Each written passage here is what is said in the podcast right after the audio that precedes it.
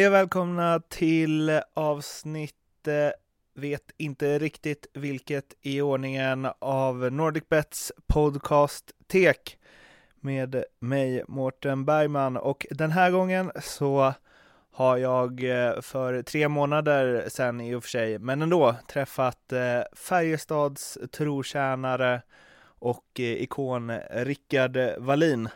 Det blev ett samtal om idrottsläraren som fick honom att eh, ändra inställning, som sveket han kände när han eh, lämnade ifrån sig c på bröstet. Den eh, mycket jobbiga tiden för honom efter skadan då kroppen inte alls lydde och hur nära han faktiskt var att lägga av. Vi pratar också om att tvingas gå ner mycket i lön, om Phil Kessel, Derek Bogard, och några omtalade YouTube-klipp, bland annat ett med eh, kompisen Per Ledin. Gillar ni podcasten så kika in på NordicBets kanaler på iTunes eller Soundcloud så har ni de tidigare avsnitten där. Då kan ni också räkna ihop vilket i ordningen det här är. Men nog ordat nu och tillbaka till den 10 oktober förra året då jag träffade Rickard Wallin i Lövbergs arena. Mycket nöje. 500 matcher eh, nyligen blev det. Jag eh, har lite frågor utifrån dem och nu vill jag ha supersnabba svar här. Vilken var den, är den bästa matchen du gjort av de 500? Personligen eller för laget? Eh, personligen. Eh, sex poäng i en match borta mot Brynäs 2002 tror jag. Hur var de fördelade? Två mål och, och fyra pass. Och passat till ett stolpskott sista som hade tangerat klubbrekordet. Eh, men det var tur att det inte blev för eh, det var en sån där kväll där allt annat gick in. Så. Okej. Eh, din sämsta? Oj, det är nog många och som tur är så förtränger jag nog de sämsta. Men det är några sådana där. Man har gått minus tre och velat hoppa från en bro på vägen hem. Men jag har ingen sån där som, som ligger fast i minnet. Utan det är mest förlusterna för lagen man kommer ihåg. Det snyggaste mål du har gjort? Oj. Eh, det, det blir många. inte så många snygga ska jag säga. Jag har inget jätteskott utan jag har mest stått och försökt peta in eh, puckar nära kassen sådär. Men jag gjorde ett i semifinalen mot HV också i början av min karriär. Eh, där jag kom fri med, med Stefan Liv och, och fick så mycket tid så jag lyckades köra en två, tre dragningar när jag la in den. Så det, det är väl något som jag kommer ihåg så här med 12-15 eh, års tid som, som var ett snyggt mål, men sen dess blir det inte så många. Var det meningen eller var det bara så att liksom, händerna styrde hjärnan mer än tvärtom? Ja, och det var väl lite ungdomlig entusiasm på den tiden också kanske. Det, man, man, förstår inte bättre så då, då chansar man och, och gör lite, lite för mycket dragningar ibland och, och den gången gick det hem. Den bästa domaren? Alltså, domare är ett sånt där ämne som att det är jättesvårt att svara på för man är jättearg på dem många gånger och, och håller med dem eh, väldigt många andra gånger också. Men då, då lägger man inte det på minnet så mycket. Jag har uppskattat de som har en eh, ändå liksom en, en schysst schysst dialog mestadels med en. Jag tycker en sån som Patrik Sjöberg har alltid på något sätt, vi har varit arga på varandra som fan men, men vi har ändå liksom kunnat eh, prata med varandra och, och, sagt liksom att eh, ja, det där var inget bra, ursäkta och eh, så han gillar jag. Uffe Rådberg var fantastisk i början av, av, min karriär när han kom upp och var som bäst och, och hålla en, liksom att man aldrig behövde ifrågasätta mm, domsluten mer än nödvändigt utan han, han tog ner det på jorden på ett, på ett bra sätt. Så det, det är dialogen mer än, än resultatet av domsluten som, som jag har uppskattat. Okej, den sämsta domaren då? Nej, det, det vill jag inte svara på. Det får du ta när du har lagt av. ja, nej men det är väl sådär. Man brukar säga mm, att eh, den sämsta domaren, så gjorde ni inte några misstag då? Lite så är det väl. att eh, man, man de får ju inte den uppskattningen de behöver så det är fel att hänga ut någon som, som sämst. Det, det tycker jag är fel. Har du då, utan att hänga ut, har du någon domare som du så tycker är sämre? Det finns eh, några stycken som jag anser skulle kunna uppträda på ett annat sätt men, men återigen, det är nog ömsesidigt. Den bästa spelaren, och nu pratar vi alltså bara i SHL elitserien. Ja, men jag, jag är ju jag är ju svag för Jörgen Jönsson, min gamla lagkamrat som sagt. Eh, så, så bra som han var som spelare under så lång tid. Han, han skulle ha varit i NHL men, men som tur var för Färjestad så, så valde han att vara kvar här. Och som tur var för mig också. Jag har lärt mig mycket av honom. Bara för genom att se på hur han förde sig på matcher och träningar och hans sätt att vilja vinna. Så, så jag svarar Jörgen där. Det här har jag inte skrivit upp, men jag kom på det nu när jag frågade om sämsta domaren. Eh, har du mött någon spelare som har varit så himla dålig så att du tänker så här, hur kan den spela på den här nivån? Nej, inte hur kan den spela på den nivån, det, det tror jag inte. Men det är väl klart att det är några stycken, framförallt kanske importer, som man undrar hur klubbarna kanske har lagt pengar eh, på, på en sån kille. Men, men ja, jag, jag, tycker sånt här att, att hänga ut någon som dålig, som, som brinner för det man gör och, och ändå liksom lägger ner hela sitt själ och sitt arbetsliv. Det, det, är fel att hänga ut någon som sämst sådär. Men, um, ja, det finns ju som sagt några importer genom åren som, som kanske man tycker att de inte har tillfört ligan ett skit mm. egentligen. Det bästa laget under alla år som du spelat i elitserien SHL som du varit med om liksom? Jag vet inte om du får ta ett eget lag då? Okej, du får svara på det och välja ett lag du själv spelat i. Ja. Men eh, också de bästa årgång lag du mött. Ja, det bästa årgången jag spelat i för Färjestad, det är självklart det året eh, när Hallen var ny här, 01-02. Vi förlorade sex matcher tror jag på hela året, inklusive träningsmatcherna. Och, eh, gick rakt igenom slutspelet obesegrade. Och, eh, allt ifrån en fantastisk målvakt till Martin Gerber till ja, egentligen fyra kanonkedjor och, och, och sex, sju bra backar. Det var, det var fantastiskt kul att spela. Vi hittade det där självförtroendet som gjorde att vi alla trodde att vi var lite bättre än vad vi kanske egentligen var. Mm.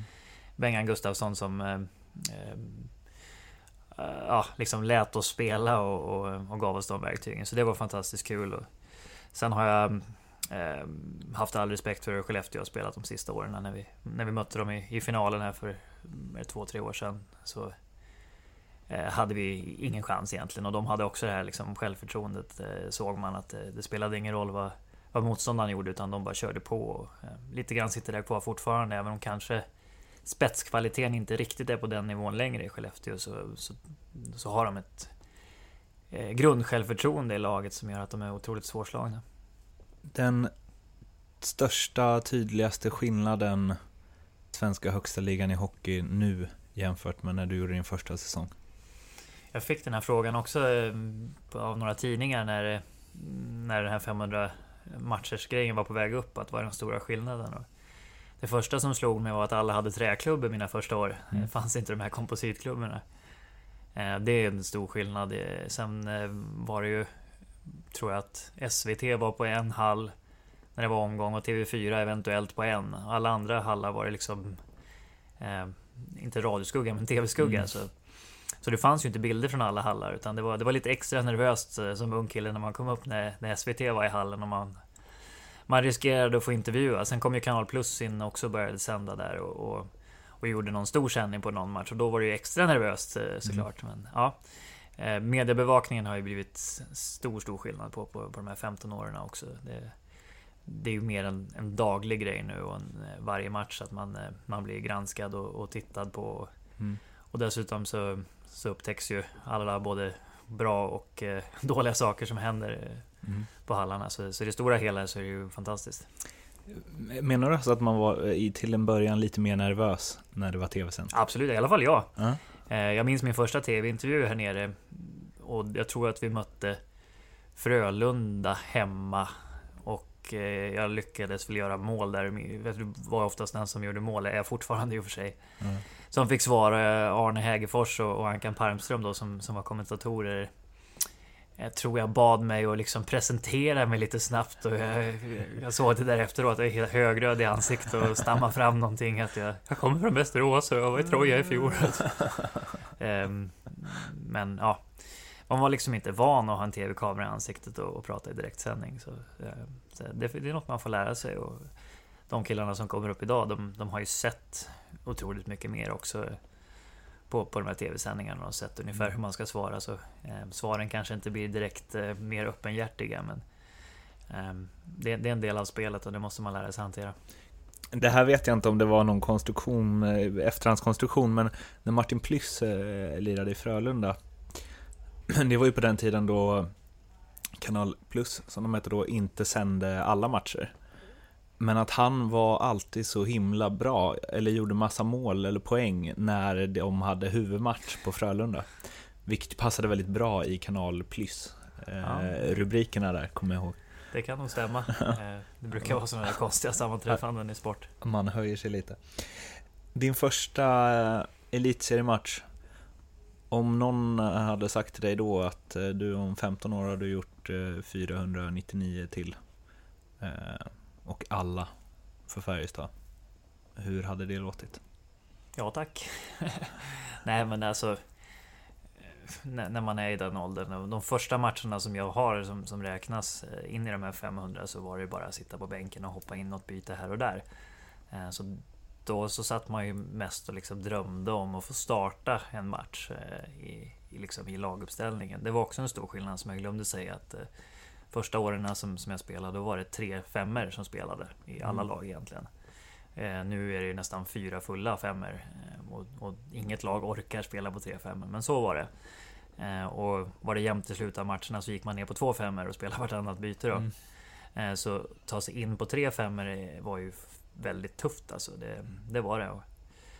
Um, det, det, var, det var ett stort steg den dagen man fick starta på tre femmer till exempel. Det, det, är också en sån här grej som jag, som jag kommer ihåg. Men, men de första matcherna där så eh, Som sagt, då hoppades man bara att man skulle få göra en hel match och att man skulle få göra ett mål. Och, mm. eh, sen växer man ju in i det där gradvis. Och, och um, tanken att, att komma till 500 hade nog, har nog egentligen aldrig slagit mig sådär. Att, det har bara rullat på och när man väl kom i närheten där så tittar man ju tillbaka. Oj då. Eh, mm. Det här är rätt häftigt faktiskt. Är du stolt? Ja, det är jag. Eh, det är, det är svårt att vara stolt över någonting som man har eh, gjort själv i en lagsport på sätt och vis. Tycker jag. Utan det, det är alltid handlat om om vad laget åstadkommer för att man ska vara bra. Sen räknar man ju mål och poäng i, i hockey och som forward så, så är det klart att det, det blir betyget många gånger. Och just spelade matcher. Eh, det kanske inte är så svårt att, få spela några matcher, men, men att få spela så många matcher för samma klubb, eh, det är ju faktiskt en... Eh, eh, ja, få förunnat. Jag tror inte att det är så många som har gjort det för samma klubb. Så det är jag väldigt stolt över och dessutom att det har fått vara för den här klubben som har egentligen gjort mig till den spelaren jag är trots att jag är uppväxt på, på annan ort. Så det var när jag kom hit som poletten trillade ner så jag har, har dem att tacka för väldigt mycket. Så det, jag är väldigt stolt över att fått, eh, fått vara med så länge i den här föreningen. Vi gör ett eh, litet hopp för att det tog inte jättemånga år av eh, elitseriespel innan du testade på andra sidan pölen. Alltså, 9 poäng på 15 matcher i mm. Minnesota. Eh, varför fick du inte spela mer? Alltså, jag, jag tog beslutet att åka över där efter vi hade vunnit 2002. Jag hade haft en kanonsäsong och jag tyckte att eh, jag kan inte göra så mycket mer i elitserien. Liksom. Jag, är jag kvar så ja, det är svårt att överträffa det poängmässigt och, och, laget kan inte ha en bättre säsong. Vi kan inte vinna mer matcher än vad vi gjorde. Och, eh, det jag inte hade gjort som jag kanske önskar i efterhand. Eh, att jag hade på något sätt tagit eh, liksom som en liten nivå till innan man går vidare var att jag inte hade spelat så mycket i A-landslaget utan det var, det var några få landskamper där. Och det är skillnad att spela ute på internationell nivå kontra eh, elitserien SHL där och även om man spelar mot män så, så är stora tuffa hockeyvärlden eh, den, den var ett, ett steg framåt. Så jag, jag var inte jag intalade mig själv och så kanske talangmässigt och självförtroendemässigt så, så höll jag väl en nivå där jag kunde konkurrera om en NHL-plats. Och jag gjorde en bra försäsong i Minnesota också. Där tror jag att jag var bästa målskytt på försäsongen och, och tyckte själv att ja, men det här, här gänget ska jag ha en plats i. Men, men så blev det inte utan jag blev nedskickad som en av de sista gubbarna där. Och, eh, kom till ett bra lag i Houston som också började jättebra för mig, för min del och blev upplockad till eh, någonstans i december där. Fick debutera mot Detroit borta, minns jag också. Det är en sån här kväll som jag heller aldrig kommer glömma.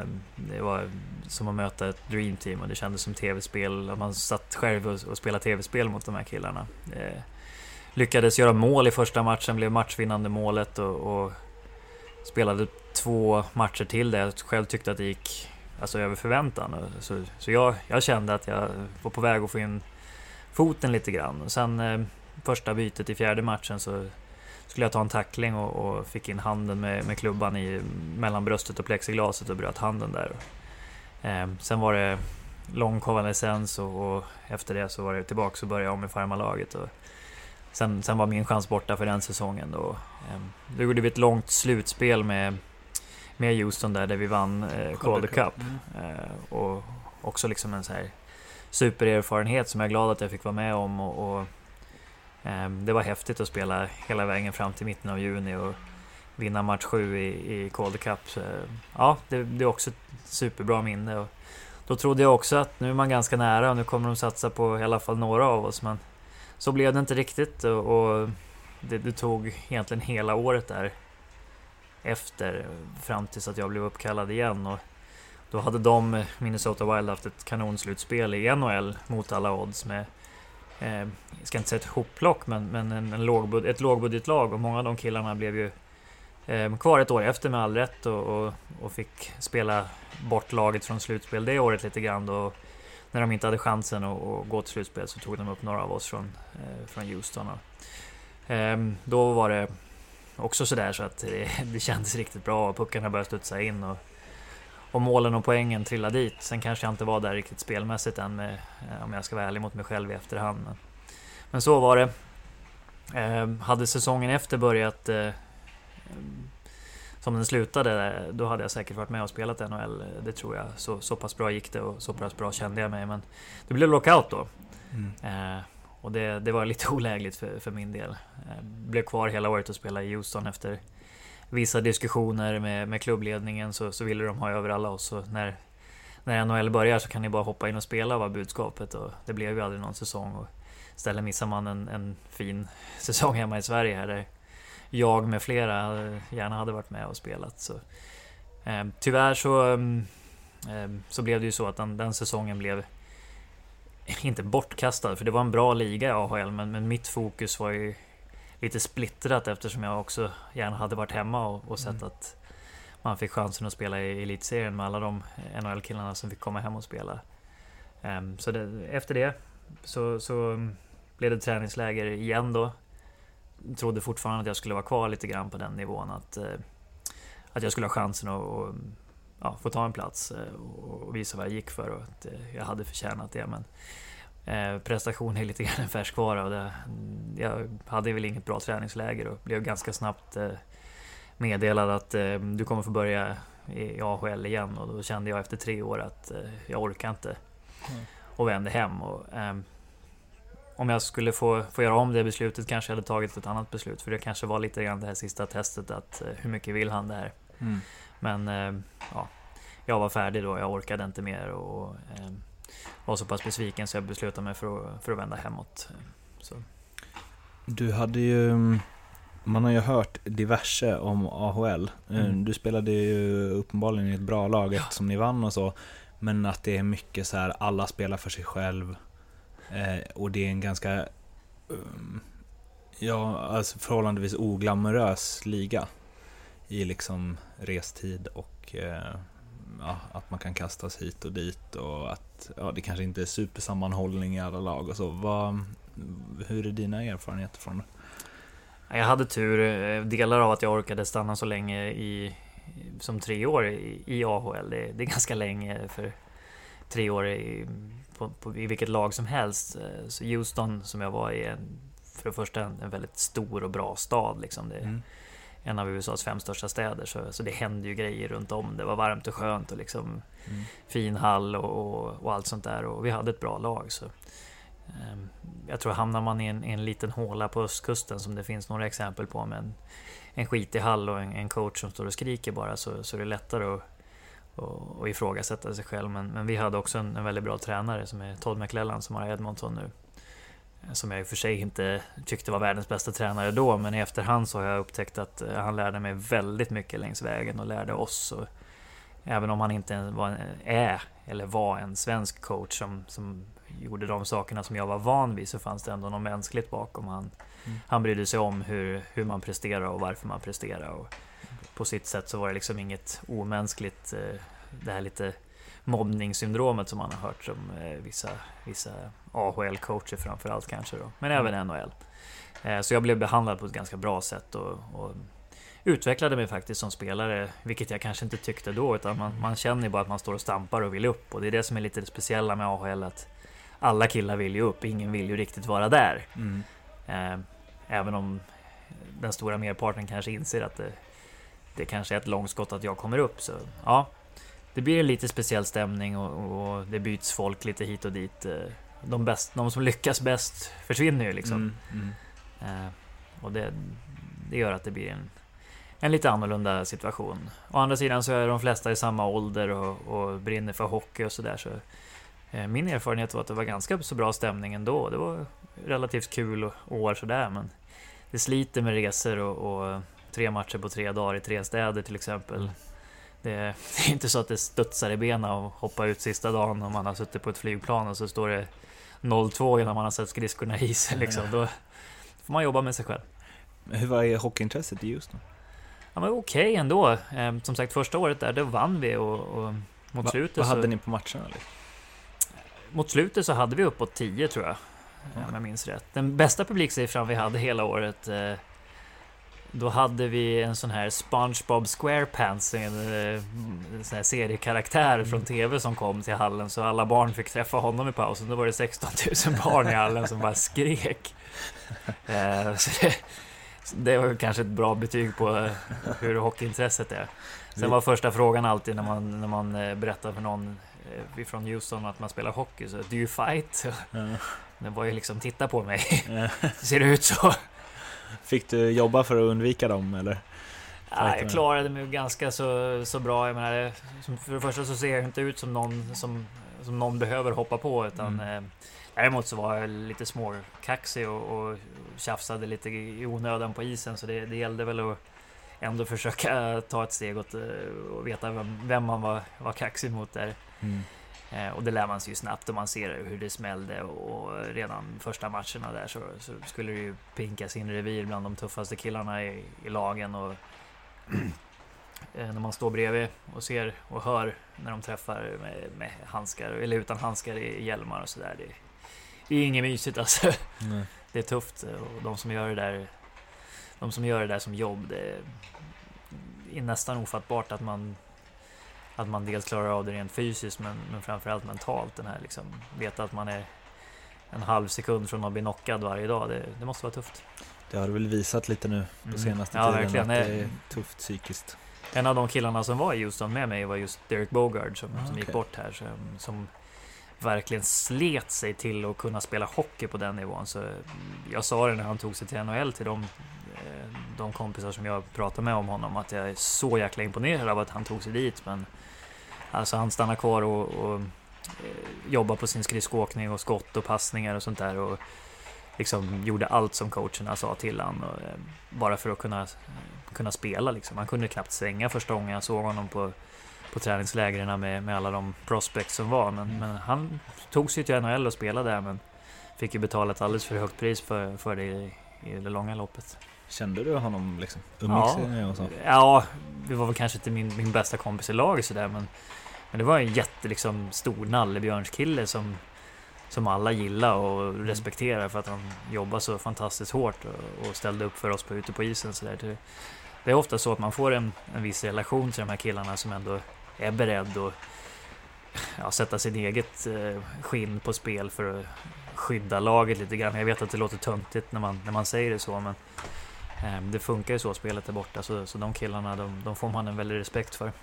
Du var inne på det lite nu när du beskrev honom men generellt. Jag frågade ju förut så här, om du har mött någon i SHL som du har känt så här, hur kan den spela här? Alltså i AHL måste det Ja. finnas sådana. Ja, alltså det, det fanns ett gäng och oftast så var det ju då de här killarna som bara hoppade in och skulle slåss som Det var några faktiskt som som man såg som, som inte kunde svänga eh, ordentligt och inte hade spelat ens knappt i division 3 i Sverige. Men Men hockeyn är ju alltså. uppbyggd så där borta att ehm, det räckte ju länge att bara kunna slåss alltså. Men Mm. Ehm, nu är ju det borta i NHL, alltså du, du kan inte kasta in någon på isen i ett byte som inte fyller sin roll Mm. spelmässigt heller på ett funktionellt sätt. Så, ehm, de här riktigt stora killarna har ju svårt att hävda sig spelmässigt. Man kan inte offra, offra en, en plats i, i laguppställningen på, på det sättet länge, längre. Och då, då blir det väl lite samma i AHL tänker jag också. att eh, De är inte borta utan eh, det finns ju alltid folk som, som är tuffa och, och, ehm, ja, kan, kan fylla den rollen. Men, men du måste kunna göra bägge för att, för att ta dig hela vägen upp. Mm. De åren i Houston där, hur gammal var du då? Det var mellan... Eh, jag hade väl fyllt 22 tror jag.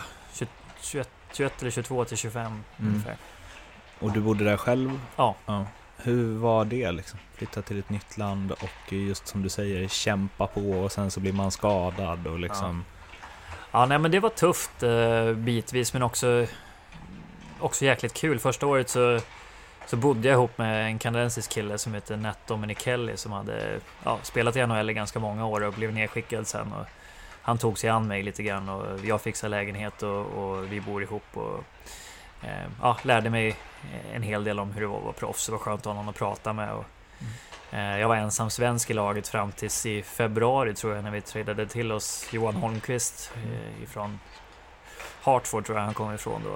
Eh, Jag minns att jag var så fantastiskt glad att ha någon att prata med då bara och dela, dela erfarenheter. Men på, i det långa loppet så tror jag det är bra ändå att man var själv svensk i början och, och kom in i att prata engelska ordentligt och eh, fick försöka liksom eh, anpassa sig till det sättet att spela och leva. För det, det har jag märkt på andra sätt att man när man är utomlands så blir man aldrig så svensk som man är då. Och man håller egentligen ihop lite för mycket med sina landsmän och släpper inte in eh, kanske de här nya influenserna. Så, så det var bra för mig. Men det är tufft att, att skaffa mobiltelefon själv och, och bankkonton och allt sånt där. Det var väldigt mycket som man helt plötsligt skulle fixa själv. Och, och så var det inte riktigt i, eller är inte i, i svensk hockey eller svensk idrott. Utan här är allt väldigt serverat. Och Mm. man vet hur det funkar. Och, eh, det, det, det, var, det var liksom annorlunda allting. Och internet fanns ju inte, det fanns fanns det ju såklart, men, men det var ju sån här dial-up fortfarande. Mm. Att, eh, man, så, så att man ringde upp och skulle man in på, på Aftonbladet på hotellrummet så var det ju liksom en halvtimme att ladda upp sidan. Så, eh, det, det funkade ju inte jättebra och Skype fanns inte sådär. Så det, det var ju stor skillnad mot vad man hängde med hemma. Utan man, man blev ju eh, mer att man, man kollade på amerikansk TV och följde nyheterna och, och sådär. Mm. Eh, det var annorlunda. Hade du något annat intresse så som du sysselsatte dig med liksom? Musik eller böcker? Eller? Ja, lite sådär. Man lyssnar på musik men inte superintresserad av någonting. eh, Mm. Utan det blev väl att köpa lite DVD-skivor. Plöjde igenom liksom de DVD-boxarna som då inte fanns i Sverige med Mm. Friends och allt sånt där. Och, eh, ja, eh, man, man höll sig väl sysselsatt men å andra sidan, vi bodde fantastiskt med det.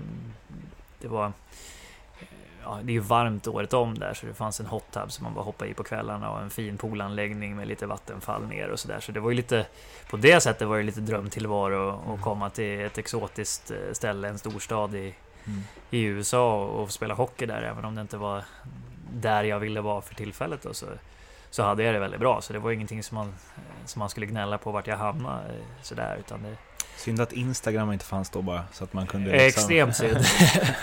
ja, nej det... Eller tur. precis.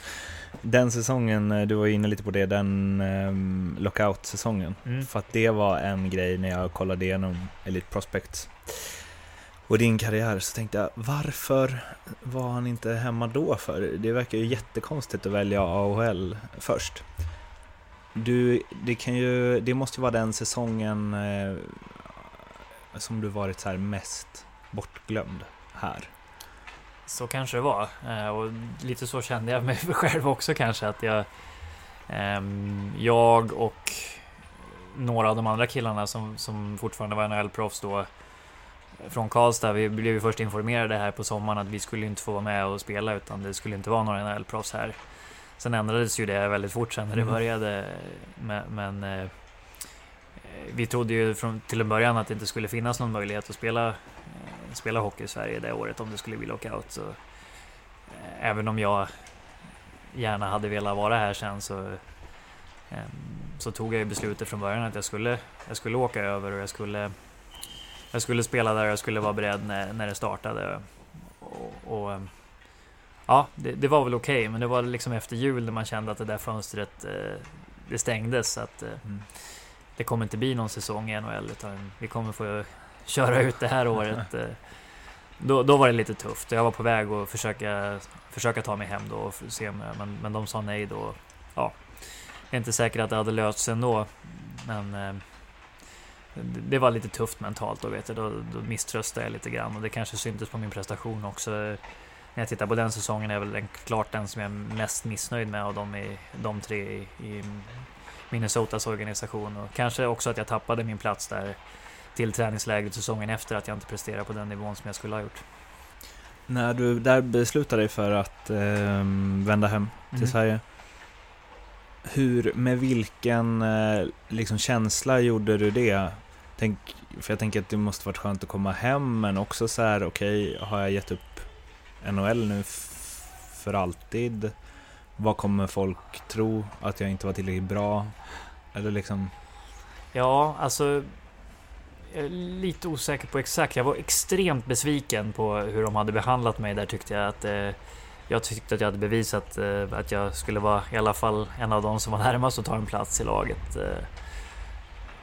Och sen så kände jag ju som sagt att jag, det var nog. Jag orkade inte ladda om för att, för att slåss om och ta mig tillbaks igen. Mm. Jag behövde komma hem tyckte jag och få lite trygghet och få spela ordentligt och få någon som tror på mig och ha lite ha lite kul på isen igen efter det året som var lite, lite kämpigt året innan där. Så, ehm, jag var otroligt glad att få komma hem mer och samtidigt så fattade jag väl att det där det var troligtvis min chans. Eh, och, och den tog jag inte. Så, men, men det, det var ändå med positivt eh, som jag kom hem här och, och, och, fick komma tillbaka med öppna armar hit och det var ju enormt tacksam att, eh, att de tog emot mig på det sättet och såg till att jag, jag kom in i laget. Det var jag landade samma dag som seriepremiären var och satte mig direkt på bussen och åkte upp till Mora och spelade.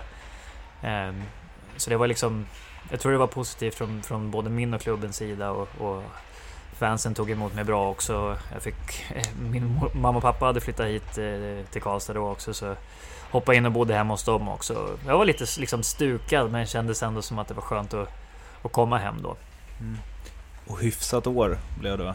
Till slut ja, det började väldigt bra när jag kom hem och, och eh, vi spelade bra i början. Sen, sen hade vi det tufft här alltså.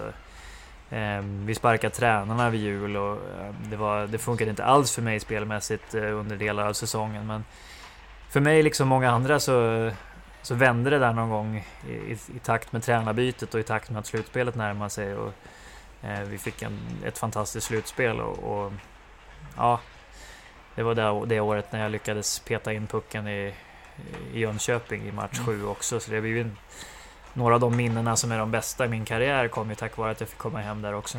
Mm. Så det var ändå okej okay ändå? Ja, alltså ja, med de förutsättningar som rådde så, så var det rätt beslut att åka hem. Jag hade inte tagit något annat beslut om jag hade fått göra det igen. Men om jag hade vetat eh, och tänkt efter och känt på ett annat sätt så tror jag att det var lite grann ett test att försöka skicka ner mig om jag var beredd och hur mycket jag var beredd att, att offra för att, för att ta en plats där. Och, eh, men jag var inte beredd att ta den fighten just då, så det, det var rätt beslut fast det var fel. Eh, kloka ord. ja, jo, men det med 10-12 år så, så är alla kloka, höll jag på att säga. Sen eh, eh, Lugano. Jag har varit där en gång på fotbollslandslaget, eh, hade sin bas där 2008. Yes. Supervackert. Mm. Och, och alltså, det verkar vara ett så himla bra ställe att spela hockey på. Ja, det, det är det och det var det. Eh, kanske inte just i, i, till dags dato. De har haft en tuff start på serien har jag sett. Jag följer dem lite grann på, på avstånd så här fortfarande som en, en gammal klubb. Men eh, ja, det var superfint och, och likadant där så det beslutet var väl inte det jag hade sett framför mig när jag kom hem då.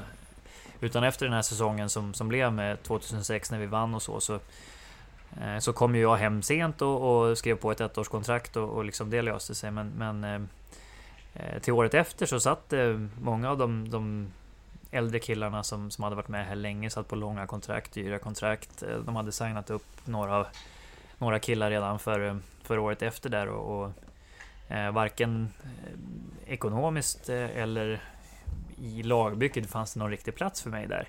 Vilket gjorde ont. Eh, det var otroligt tufft och jag var skitbesviken. Och, eh, å andra sidan så kände jag att jag tänker fan inte liksom bara svälja och spela gratis. Jag, jag var ändå landslagsspelare, i, inte fulltid, men på väg in i landslaget och hade gjort bra ifrån mig. Jag hade ett bra slutspel och sådär. Men det slutade väl ändå med att de var ärliga mot mig och hur ont det än gjorde så, så insåg jag att det var att titta efter ett nytt, eh, ett nytt uppdrag och, och eh, vart vill du spela då?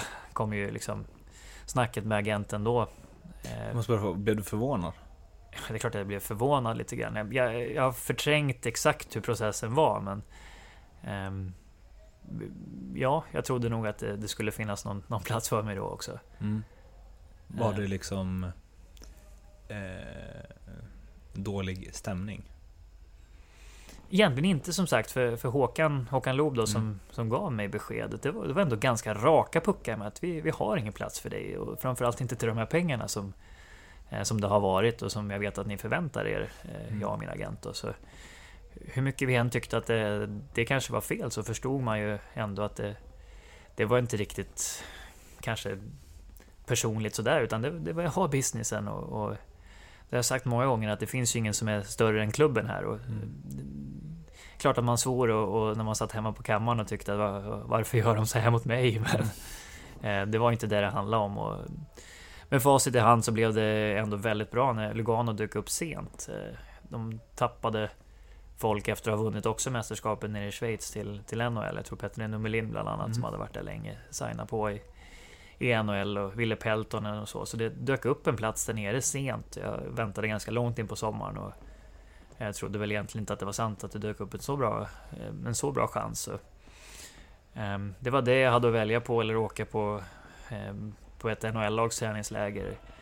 Och det, det sa jag tidigt till min agent att jag inte är beredd att och, och chansa på att åka på träningsläger och misslyckas igen. Eh, också kanske lite dumt ur den synpunkten, men, men det var jag inte heller beredd på. Fick komma till Schweiz eh, ner där och eh, som du säger, Lugano är otroligt vackert. Alltså, när man kommer dit, så jag hade inte varit där innan, så, så tror man inte att det är sant heller riktigt mm. att det här, här har de ett hockeylag. Och, Eh, lite som en sagostad. Det fanns en 70 banker eller något där nere. Så man kan bara tänka sig vad, eh, vad det är för pengar som har byggt eh, mm. några av de där grejerna. Vittnar ju om vad du tjänade när du lirade där också. Ja exakt. I de, eh, I de trakterna så hade de nog bara behövt en då. Ehm, men eh, i alla fall... Det kändes som det var så liksom så här, Jag tänker bra mat nära ja. till typ hela Europa. Men det är ju en kvart till, till, till italienska gränsen. Precis. Och, och ryktet Milano, säger ju att det går lite liksom. bilar över gränsen där, har gjort genom åren. Eh, nej men Milano var ju 45 minuter bort ja. Så man flög ner dit och landade i Milano och åkte in där. Och, eh, men jättemysigt och, och bra mat och fick också ett bra boende där som man hade utsikt ut över, över sjön och så. Eh, Längsta borta resan två timmar eller vad är det? Ja, det var nog i alla fall tre och en halv tror jag i, till Genève för oss då. Och då stannade vi väl två gånger och fika på vägen för de tyckte det var så långt schweizarna. så det, det var ju lite bekvämare och så. Sen spelar man fredag, lördag och, och tränar i veckan. De andra dagarna i veckan, ledigt på söndag där allt är stängt i Schweiz. Och man mm. satt där hemma och vad ska jag göra idag? Mm. Men det, det passade mig också ganska bra då att när jag hade kommit hem då och fått en den tryggheten det året det hade gått bra att, att jag inte liksom blev bekväm och slog mig till ro här utan det var när man kommer till Schweiz då som import så eh, då ska du ju leverera liksom. Det, första träningarna jag var med där så, så tänkte jag att oj, oj, oj, vad har jag gett mig in på här? Alla var fantastiskt bra och de åkte fort och de dribblade och de sköt och, och sen när det blev match så, liksom satte sig alla och till rätta på bänken och nästan hoppade ett steg bak och sköt fram oss och nu ska ni fixa det här kändes det som. Mm -hmm. Ni importer. Eh, så vilka var, du, vilka mer importer var det? För man får inte ha fler än fem? Fyra, hade vi i spel. Vi hade Jukka Hentunen, en, finsk spelare som jag fick spela med. Som, alltså, superkille både på och utanför isen. Och, och, han var avslutare och jag är mer av en passningsläggare och vi hade ett superbra samarbete. Så, eh, jätteglad att jag fick spela med honom. Sen hade vi en amerikan som heter Landon Wilson, en kanadensare, Jason Strudwick, Petri Limatainen var inne hos oss några matcher innan han blev skadad och sådär. Eh, Jag fel, vi kanske var fem på den tiden man fick ha. Eh, Mm, jag jag är lite osäker. Mm. Numera är det fyra. Ehm, ja, men i alla fall så... ehm, det, var- det var liksom, det var vi som skulle fixa det där, mer eller mindre, med powerplay och, och allt sånt där. Och det var, det var utvecklande alltså. Man, man fick ju inte ta några, några kvällar ledigt om laget skulle ha chansen. Utan det är Mm. lite grann att importerna måste i alla fall sköta sig, annars så, så har ni inte gjort ert. Och jag, jag tyckte att jag utvecklades ganska mycket där. Och, fick, fick bra med, med speltid såklart och, och även hade en, en riktigt bra säsong personligen. Kanske en av mina bättre spelmässigt i, i karriären faktiskt. Så Det var ett kul år och hade de bestämt sig tidigare så tror jag nog att jag hade signat på där eh, under säsongen och, och stannat några år. Men de, de ville vänta och det var lite eh, turbulent i klubben där. Eh, de hade åkt på några skattesmällar eh, året innan. Ja, det, lite grann sådär så hade de bytt ut mycket i ledningen och, och det fanns eh, det fanns ingen riktigt röd tråd eh, som jag upplevde just då. Utan eh, de ville vänta och se vad som hände och se om det dök upp något större namn och sådär. Eh, med den statistiken som jag hade på den säsongen så tyckte jag att eh, ni får allt bestämma er nu annars så, så måste jag titta på något vidare. Och i, I den vevan så hörde Färjestad av sig igen och, och frågade om jag var intresserad att komma tillbaks och ja, det var jag. Så jag Mm. bestäm, hade nog bestämt mig innan jag åkte hem där även om jag inte hade sagt någonting till, till Lugano då utan vi skulle, vi skulle avvakta men jag hade bestämt mig att de de ville gärna ha tillbaks mig då lite grann att ja, vi, vi skulle inte ha eh, släppt dig utan vi, vi vill att du kommer tillbaks och Det var så tar en alltså? stor roll. Eh, li- lite grann den känslan fick jag att Mm. eh, de ville väldigt gärna ha tillbaks mig och, och då, då var ingen gladare än jag när jag fick komma tillbaks hit eh, och fick en stor roll i laget här igen. Och, ja, nej, det blev, det blev väldigt bra. Fick se på bröstet? Inte direkt. Inte? Nej, utan jag, jag var assisterande kapten då, vilket var Ja just det, och Enormt sen andra stort, eh, säsongen? Även redan första säsongen faktiskt så, så gick Jörgen sönder. Eh, hade problem med sin rygg då väldigt mycket och var borta och missade lång tid. Och någonstans där mitt, eller efter jul tror jag det var någon gång som, eh, som Tommy frågade om jag kunde tänka mig att ta över. För då hade jag varit, liksom, det var jag, tror jag Thomas Rodin som assisterande kapten. Men det var, var jag som, när Jörgen inte spelade, tog det här drömjobbet och hälsa på domarna och allt sånt där. Eh, var liksom kapten när han var borta då. Ja. Eh, och, och hade fått växa in i det lite sådär då. Att det var inte officiellt utan vi, jag och Toto hjälptes åt när Jörgen var borta. Men, men sen blev det att, eh, att Tommy ville ändå att jag, jag skulle få ett C på bröstet och, och de matcherna Jörgen var med så, så, så var det fine liksom. Då behövde inte han bry, bry sig om att eh, få något extra spotlight på sig för, för att vara kapten och han kunde kliva av utan att det var något konstigt att kaptenen klev av. Och, Eh, sen blev han frisk och spelade på slutet ändå då, men, men då körde vi ut den säsongen med, eh, med C på min tröja. Eh, och det var, det var häftigt faktiskt. Eh, de första matcherna som man fick, fick ha det på tröjan ändå. Det, det ändrade inte egentligen jättemycket på hur, hur jag var eller hur jag gjorde. Det var mer att det var, var lite, lite coolt, det får man säga. Mm. Ni vann den säsongen va? Nej, inte den Nej. säsongen utan det är Shit, säsongen jag efter. Ja, jag de förstår det. Det är så svårt när det står Färjestad på alla säsonger Ja, att ja, liksom ja. följa Ja, raden nej, det året förlorade vi mot Linköping i semifinalen tror jag till slut. Vi Okej. slog Frölunda i, i sju fantastiska matcher i kvartsfinalen det året och trodde nog att vi skulle ha en bra chans att gå vidare. Men Linköping eh, manövrerade ut oss ganska lätt i semin där så vi var rätt revanschsugna till året efter faktiskt. Eh. Och då var Jörgen återigen kapten från start och, jag tog över det eh, efter vägen där när, när hans hälsa återigen var på väg att, och göra så att han fick lägga av då. Jag tror att han har sagt i efterhand att han, han fick rådet att sluta men, men valde att gå vidare. Och, eh, det var samma sak där, att jag försökte lätta, eller ja, vi försökte se till så att Jörgen eh, inte behövde känna den pressen på sig i alla fall. Och, och det följer väl ut i slutändan. Mm. Men då hade du, nu ska vi se, tredje gången gilt då kanske. Då hade du alltså C på bröstet när du lyfte bucklan. Ja, fast jag lyfte den inte utan Nej. det fick han göra. Precis. Ja, Men ändå. ja, ja det var jag som, som hade Du C på var tröjan. kapten i det laget. Som Ja, men eh, för mig så var Jörgen fortfarande kapten då, även, om, även om det var jag som, som hade ett, med stolthet sett C på bröstet så, Mm. så var ändå han min kapten om man säger så. Mm. Det, det var inte mer än rätt att, eh, att han fick lyfta det. Eh, Han hade betytt otroligt mycket för mig under hela karriären och, och för föreningen så... Men, vi visste ju alla också att han skulle ge sig efter det där året på, på något sätt. Jag vet inte, kommer inte ihåg om han hade sagt det uttalat eller om vi bara förstod det ändå att det här var sista matchen. Så mm. det, blev, det blev ett fint slut på, på hans karriär, det, det var han värd. Gjorde du en, gjorde du en sån Joe Sakic till Ray Bork? Ja, alltså jag är lite osäker på om jag hade fått det därifrån. Jag är nästan så att jag, jag tror att det var att jag hade sett det där. Mm. Eh, och så tror jag att jag... Jag vet att jag sa till Toto, Thomas Rodin då, som var assisterande kapten också, att eh, om vi vinner då får du skicka fram han så får han ta den. Så man kan se det på några klippen att Toto hämtar Jörgen och skickar fram mm. han där. Så det var en kombinerad attack kan man säga. Ja. Eh, för det med Ray Bork där är ju eh, en det är av... Ja, det är lite sniftvarning varje gång man ser det ja. nästan. ja, det är det. Det var, det var ju verkligen scriptat på, ja. på det sättet. Så. Vad var det? 20, hans 22 säsong va? Ja, han hade aldrig vunnit förut va? Ja. Det var så, ja. Och sen så åkte han ju tillbaks till Boston själv i en sån bussparad och blev hyllad över hela stan. Jaha, det är mer jag visste. det, det kan man ju tycka att han hade slitit för. verkligen. Sen så småningom så blev det NHL igen och mm. Toronto. Mm. Och där känner jag bara berätta allt.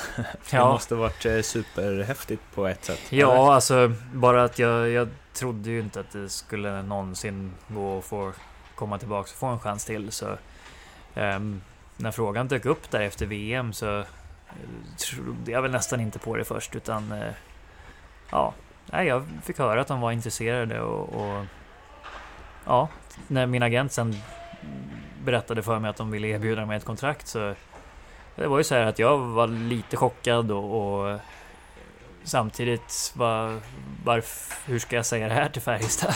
Mm. Jag hade signat på ett nytt långt kontrakt här och, och, det var jag som skulle ta över efter Jörgen nu då permanent och det fanns en plan för mig här liksom både i nästan, nästan privat och, och och hockeymässigt också, att det, det, var här jag skulle spela nu under en lång tid framöver. Men, men det gick inte att tacka nej till.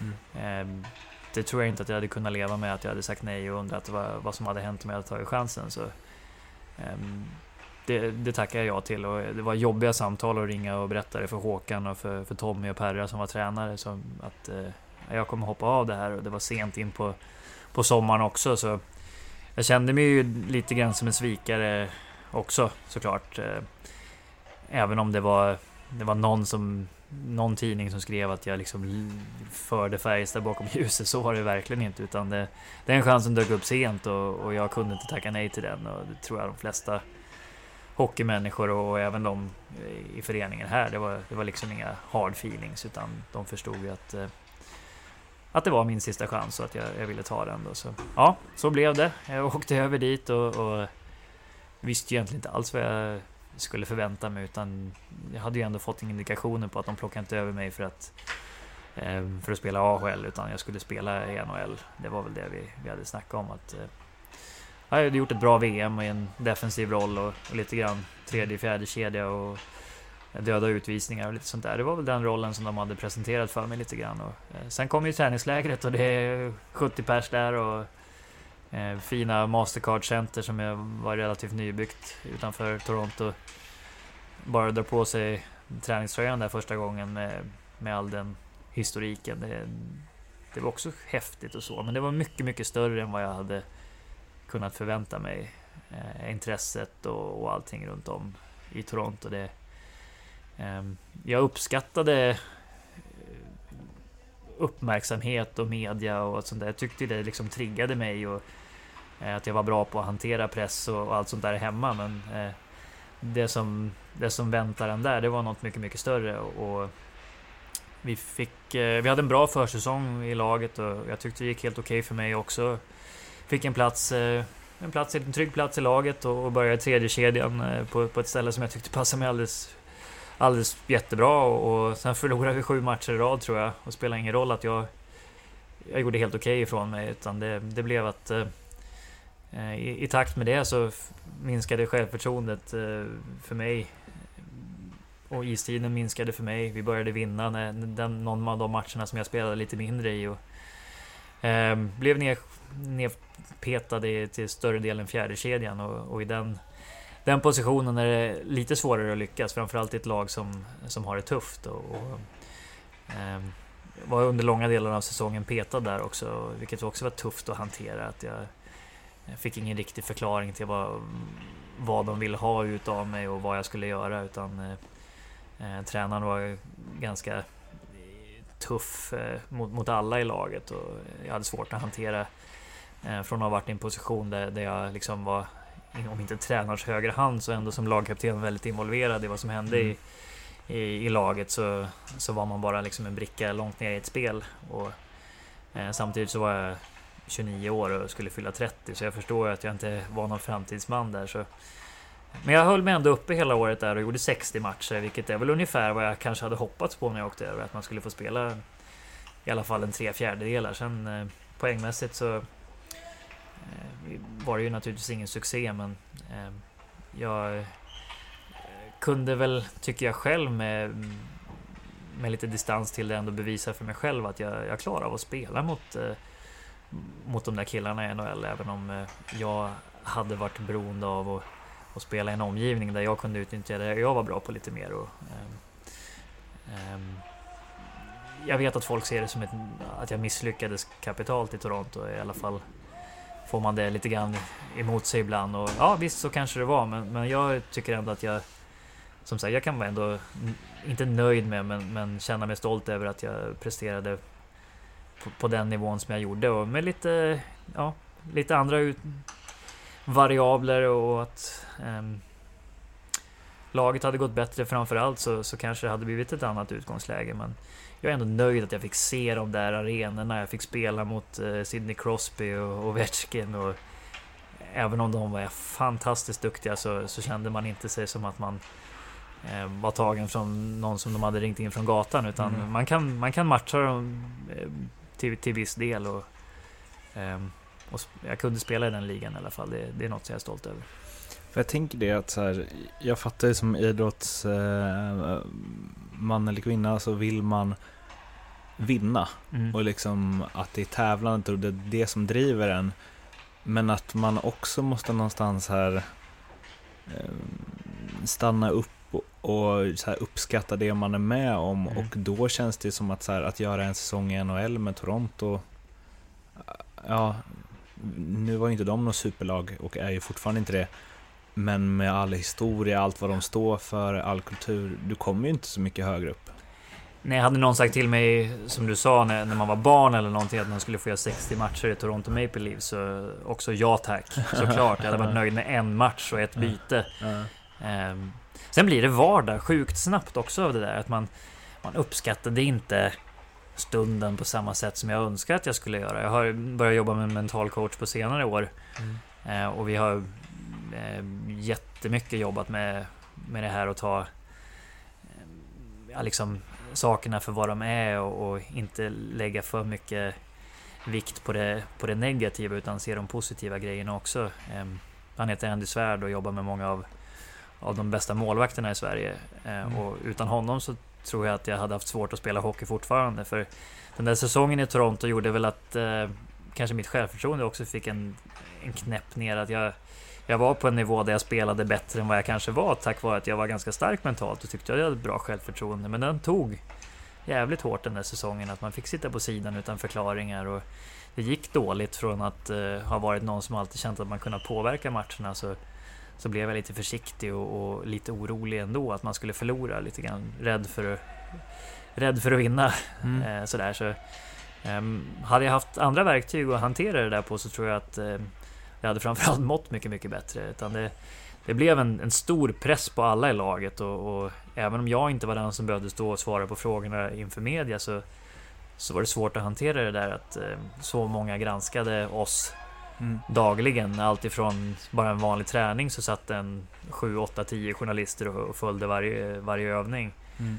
Um, det var tuffare att hantera än vad jag trodde trots att jag var 29 år då. Så, mm. um, så var jag inte beredd på det. Så med det sagt så en sån som Mats Sundin och Börje Salming och för all del som, som levde i den där miljön i så många år och gjorde det så bra. Det har man ju fått en helt annan uppskattning för. Och, och prestera samtidigt som man, man måste leva med det där trycket. Det är nästan omänskligt. Två frågor till om Toronto. Dels, du var inne lite på det, men det här att hoppa i hierarkin från Mm. att vara liksom kapten och eh, den som ska leda laget till att bli någon som man känner att typ, ja, alltså 100% utbytbar. Mm. Hur eh, är det? Ja, det var annorlunda. Det är annorlunda, men det var jag väl ändå lite grann beredd på att, eh, att kriga för, för speltid och inte, inte veta att man är garanterad att få, få hoppa in och spela powerplay som, som jag var innan. Ehm, men det var inte så svårt från början. Det var svårare där när man hamnade utanför laget. Eh, hur ska man hantera ehm, man vill ju alltid att laget ska vinna, men så länge laget vann så kom jag aldrig tillbaks in i, i laget heller och fick spela nästa match. Så det blev en så här konstig... Det var inte så att man satt och hoppades att laget skulle förlora på något sätt, men eh, samtidigt så ville man ju spela, så det blev, det blev också en konstig så här, stämning att veta hur man, hur man skulle göra när man kom in i laget sen då. Eh, nej, det, var- det var väldigt ovan med och, och kunde som sagt säkert ha behövt andra verktyg för att hantera det, för att fokusera på vad jag kunde göra bättre istället för Eh, för hur omständigheterna var och vilka man spelar med och vad tycker tränarna och vad tycker de och gör jag det här rätt istället för att bara eh, göra de sakerna som man ändå tror på och som man vet, eh, vet är bra så, så blev det väldigt mycket funderande och det är sällan bra att vara en tänkande för mycket tänkande idrottsman utan man måste hantera med, med ryggmärgen lite grann. Den andra är ehm, ja, men som Börje Salming, liksom, man har ju hört att eh, trafiken stannar upp när han går på Torontos eh, trottoarer. Men liksom bara den uppmärksamheten du snackade om och intresset. Även du som var, ja, vad ska man säga, en gnuggare i fjärde kedjan. Eh, var du kändis i? Nej, det var jag nog inte utan, eh, eller det var jag inte. Mm. Absolut inte. Utan på hallen var man ju, var man ju det. Men man märkte på några av de andra killarna i laget som eh, jag bodde tillsammans med Phil Kessel till exempel. Eh, han kunde ju inte röra sig sådär jättefritt utan att folk eh, såg vem det var. Eh, även de som bodde nära hallen, matchhallen, tog ju bilen dit istället för att, för att gå till hallen som jag kunde göra. Mm. Utan då, då blev de stoppade. Så det, man såg hockeyintresset men, men så, så långt till, som till mig spreds inte så att det blev ett problem i vardagen på något sätt. Utan det gick rätt lugnt till. Det tar stopp någonstans i andra kedjan? Ja, eller? som, som tur är. Så man måste göra något, någon form av avtryck också för att hockeyfansen ska, ska uppskatta det. Sen fick man ju skriva liksom, bara du kom med, med livsbussen till, Ja. till ett hotell så stod det ju extremt mycket eh, fans och ville ha autografer och sådär. Så man fick ju ändå en, en del av den hypen som var. Men den var ju inte personligt riktad till mig utan det var bara för laget. De kollade upp efteråt vem det var. Ja men typ så här, de, de vill ha alla som har spelat. Eh, Phil Kessel har väl eh, det yppats ett och annat ord om att han kanske inte har maxat sin talang direkt. Vad har du att säga om honom? Alltså... Vad ska man säga om Phil Kessel? Han... eh, Ja, han, han har ju inte de kanske fysiska förutsättningarna som, som några av de andra superstjärnorna har. Eh, jag, jag, vet att han har ju en, eh, liksom ändå gått igenom en testikelcancer när han var 20-21 där. Och, eh, men någon träningsprodukt är han ju inte. Eh, jag tror att han har tagit tag i det lite grann nu, men eh, han var lite grann som en en sån kille som har haft för, för mycket talang för tidigt och, och även om han ser otränad ut kanske och liksom inte hade eh, bäst resultat i gymmet så slängde du ut pucken och det var ett race så vann han ju racet ändå på matcherna. Liksom det, när man spelar så var det helt omöjligt att slå honom. Man fattar inte hur, man kunde, hur han kunde vara så snabb och, och se så trött ut sen då. Eh, så, men, men nej, jag...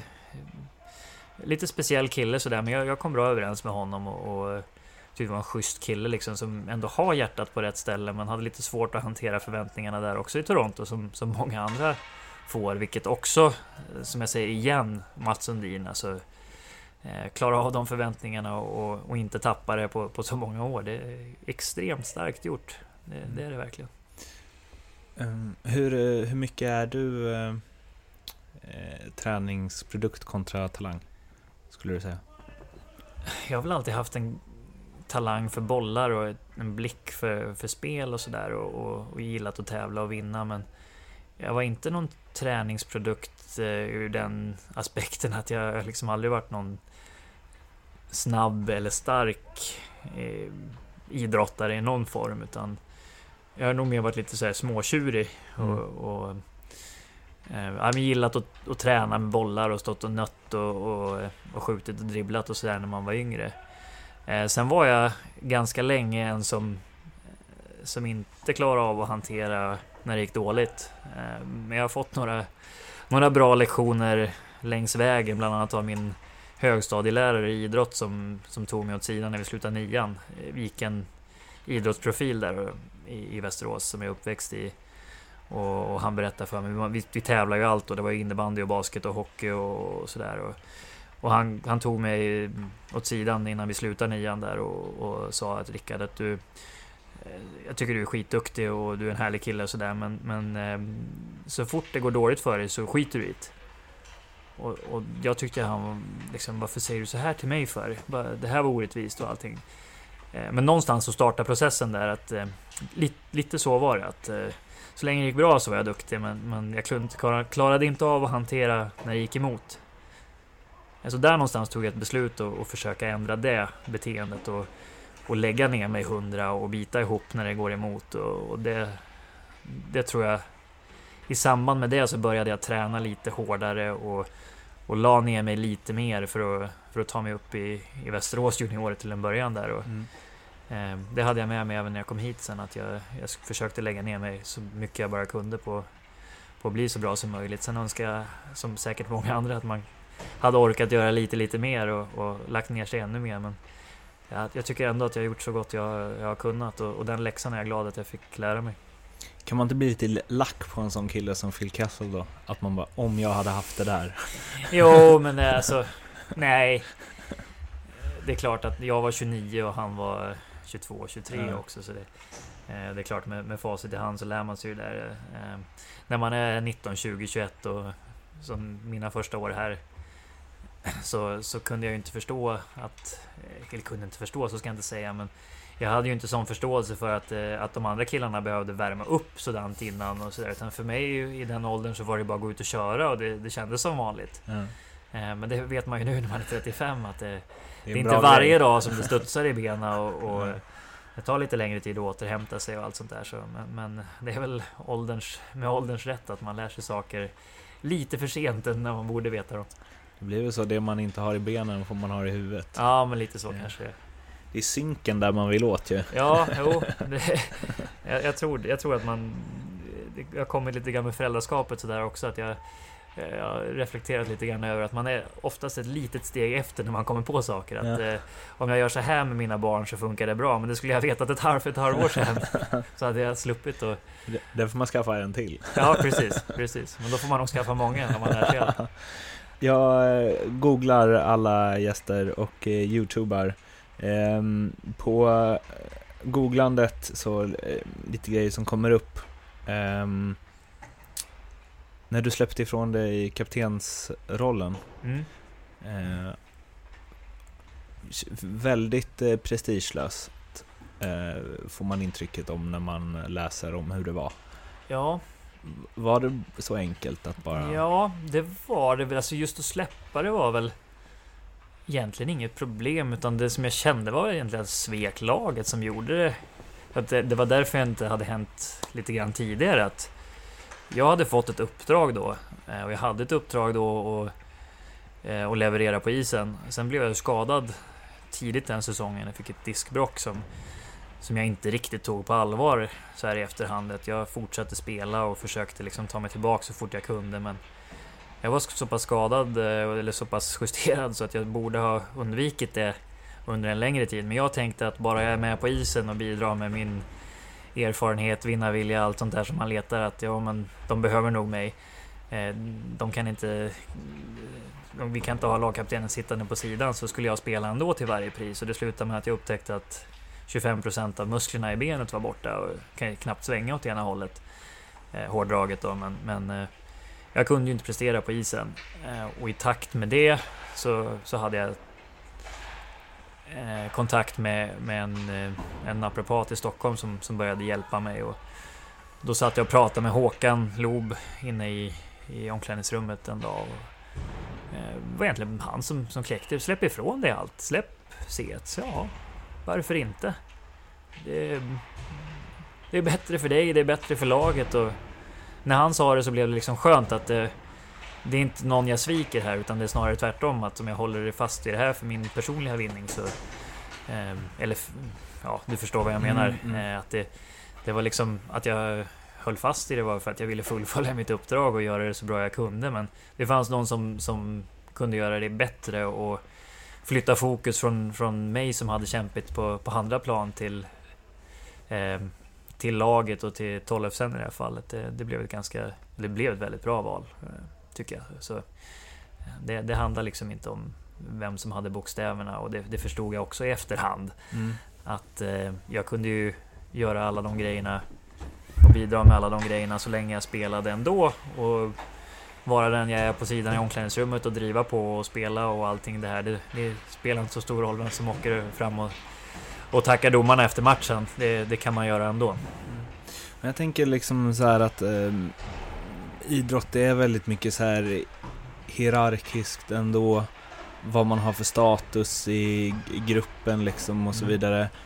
Eh, och kanske även så här, sin syn på sig själv. Mm. Att då välja att eh, eller inse, eller vad du nu gjorde, att här, jag kanske inte är den bästa lagkaptenen Nej. som det här laget kan ha. Nej, men så, så var det ju och i takt med det så, så blev det ju det blev ju bättre för laget. Och när jag fick frågan så, så, så sa jag som, som Nygga, Magnus Nygren har plockat upp nu efter att eh, jag har kommit på att det är tre bokstäver som, som jag vill ha på tröjan och det är F, B och K. Det är inte C eller A eller A. Och, och så var det ju liksom att jag ville ju bara ta, känna att jag, jag kan ha de här tre bokstäverna FBK och prestera det, alltså C eller A eller A. Det är klart att om, om, om man kan bidra med något där eller, eller att de vill att man ska vara det, så självklart jättekul, men, men det är inte det viktiga i, i sammanhanget. Utan jag, jag kände det också att när, när jag kunde visa det för mina lagkompisar att det här var inte viktigt för mig så tror jag att det, det blev lättare för dem också att hantera mig. För jag, just då så var det lite en belastning att jag kunde inte vara den som de ville jag skulle vara på planen spelmässigt. Och då förväntar mig att jag ska komma med eh, visa vägen-ansvar som det ändå lite grann är att vara mm. kapten. Det, det, kunde jag inte leverera då i den situationen. Så, så det, blev, det blev ändå väldigt bra för, för laget och, och tyckte Tollefsen växte också väldigt bra med, med det ansvaret han fick då. Så, eh, det, blev, det blev det blev liksom rätt ändå fast det, det tog ett tag att inse. Att inte kunna göra sig själv rättvisa som det blev den säsongen. Eh, som sagt, eh, gick igenom det nyss, 8 poäng på 43 matcher. Ett ras jämfört med dina tidigare poängnoteringar. Mm. Hur påverkar det dig? Jättemycket. Eh, det är fortfarande en process faktiskt att lära sig hantera det som det innebär att inte inte riktigt kunna göra de sakerna som jag kunde innan. Eh, men återigen, jag var inne på Andy Svärd innan. Och eh, det står jag till 110% för. Hade jag inte haft honom i det läget så hade jag inte spelat hockey idag. Utan då hade jag slutat. Eh, det kändes som jag sträckte höftböjaren var det på träningen på fredagen. Vi skulle möta Frölunda på lördagen. Så jag gick av, körde färdigt träningen och, och gick av och satt och väntade på min tur att få behandling. Eh, och det, liksom, det gjorde ont som 17 i benet, liksom sträckte ut i benet och, och något som jag inte kände. Så vi behandlade den där höftböjaren och, och gjorde några tester. Och, ja, nej, men det känns nog bättre imorgon. Åkte hem och la mig och sov i soffan. Eh, min fru och min ja, son som var ett och ett halvt år eller vad det var. Två var han nog. Ehm, ja, man åkte därifrån och lät mig sova. Jag var liksom helt knäckt och det gjorde så ont så jag visste inte vad jag skulle ta vägen. Jag la upp benen och, och ja, så, såklart hade jag ett diskbråck men det insåg jag inte då.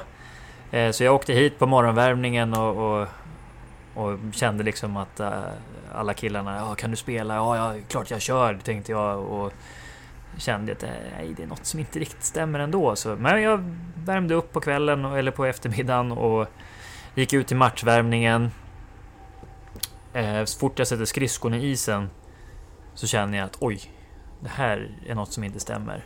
Och det gick liksom inte att, att kontrollera benet. Eh, så jag tog några varv här och sen var det liksom bara rakt av. Och, och eh, ja, jag mötte Lasse Granqvist i korridoren, vet jag, han har varit inne och pratat och, och han tittade lite förvånad på mig om det inte blir något spel. Och nej, nej, idag går det inte, sa jag. Och det var lite så jag tänkte, att nej, men idag går det inte. Ehm, men ehm, ja, det visade sig ju vara bra mycket värre än, än så. Och, även om jag tror jag spelade två och en halv vecka senare igen så skulle jag nog inte ha gjort det. Ehm, jag tyckte att eh, jag behövde ta mig tillbaka, jag behövde prestera. Vi hade börjat säsongen dåligt. Jag behövde vara mig själv. Jag behövde, jag behövde spela, jag behövde vara bra. Och det slutade med att eh, ja, det blev bara sämre och sämre. Jag tappade mer och mer muskelstyrka i benet och, och ja, det gick inte att göra någonting av det jag, det jag ville göra, det jag hade gjort. Och det var extremt tufft att det ta. på isen? Eller? Ja, men jag fick ta säkerhetsavstånd hela tiden. Jag blev bortlurad både på träning och på match på ställen där jag visste vad som skulle hända, men jag tog mig inte dit. Um, och det var ju det var knäckande att känna det. Jag var, var med och tränade extra på juniorträningarna. Eh, de matcherna jag inte spelade.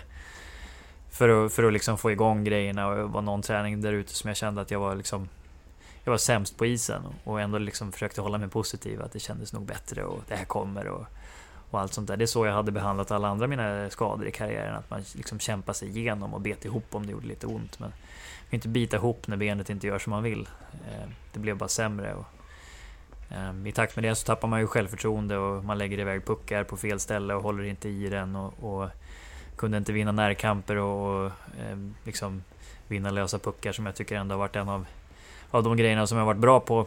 Ehm, det, det var ingenting som, som var som det, som det brukade. Så till slut när jag började ta ett beslut att jag skulle bygga upp benet och, och ta mig tillbaka så fick jag en roll där, där jag egentligen bara skulle, skulle vara med och sköta, sköta mitt eh, defensiva jobb i en, i en kedja längre ner. Så, så fick man helt enkelt börja om. Mm. och bygga upp sitt spel igen. Och, och mot slutet, eh, mot slutspelet den säsongen så började jag ändå komma tillbaks lite grann. Att känslan Ehm, var okej okay och jag kände att jag kunde påverka matcherna på mitt sätt igen. Och, och det var liksom tacksamt eh, ändå när, det, när jag började känna att jag, jag hittade lite grann tillbaks till, till där jag kom ifrån. Så, så jag, jag tog ett beslut att jag, jag ska se till att eh, inte ta mig tillbaks kanske till den nivån eh, där jag var innan, där jag var en av de, eh, de ledande spelarna poängmässigt i, i Färjestad. Så, så skulle jag ändå ta, till, ta mig tillbaks till en nivå där jag kunde vara nöjd med mitt eget spel och känna mig nöjd med min prestation ute på isen. Och den processen pågår fortfarande. Hur är det att så här, för att eh, jag tänker publiken ser ju att det inte är den gamla Rickard Wallin. Ja.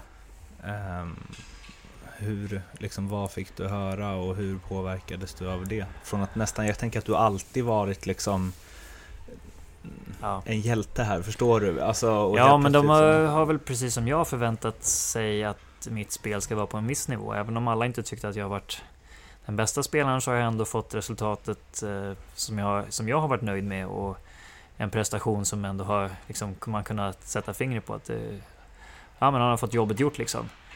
Eh, och, och det, det var ganska långt därifrån ett tag. Och, klart att jag fattade att folk tyckte att vad, vad är det som har hänt? Vad håller han på med? Eh, och samtidigt så önskar jag att folk hade känt hur jäkla dåligt det kändes. Mm. Eh, och att jag ändå försökte spela var ju för att jag ville så, så väl, men det blev fel. Liksom. Mm. Det fanns liksom ingenting. Fanns, jag kunde inte vinna på något sätt, eh, kändes det som. Så det var tufft. Hur illa eller liksom eh, mörkt, deppigt var det när det var som värst? Ja men det var, det var riktigt illa några matcher. Jag, jag vet, jag, jag var inne på att jag jobbar ihop med Andy Svärder, mm. min mentala coach. Och, och, han har verkligen fått kämpa för att få mig att se det positiva och, och de, de givna förutsättningarna var ju ändrade Ehm, till, till, en, till gränsen att det var svårt att acceptera. Men det var några matcher liksom som man åkte hem och körde in bilen i garaget och mm, ja, jag kunde inte gå in för jag, tårarna bara rann liksom. Ehm, och, ehm, han, Andy hanterade min besvikelse många gånger också. Inte bara hjälpt mig att lägga upp planerna och allt sånt där men även hjälpt mig att hantera de, de gångerna där det, där det känts som att man inte liksom orkar mer. Att det, det räcker liksom. Att det, det, här, det här är inte värt det. Så det var några gånger där det var väldigt mörkt och väldigt jobbigt, men inte så många gånger ändå. Utan jag, jag tog ett beslut någonstans att jag ska ta mig tillbaks till att jag kan prestera. Eh, någonting som jag är nöjd med och någonting som jag kan som gör att jag kan hjälpa laget. Och det gjorde jag i slutet av den säsongen i slutspelet. Och det, och det gjorde att jag ville satsa vidare nästa år och att jag vill satsa vidare i år. Och att jag tycker att jag fortfarande tar steg åt, åt rätt håll och har lärt mig andra saker om mig själv och om mitt hockeyspelande och om eh, lagbyggen och allt sånt där. Så, så, processen pågår fortfarande fast i en annan riktning än, än den var på väg innan skadan. Mm. Men eh, tänkte du att du liksom... Um, man säger, jag kanske är slut? Ja, det tänkte jag. Okay. Ja. Eh, och jag hade kunnat gå på dagen jag blev skadad och ändå känna att ja, men jag har gjort min, mm. en bra karriär som jag kan vara nöjd med. Men jag är inte nöjd.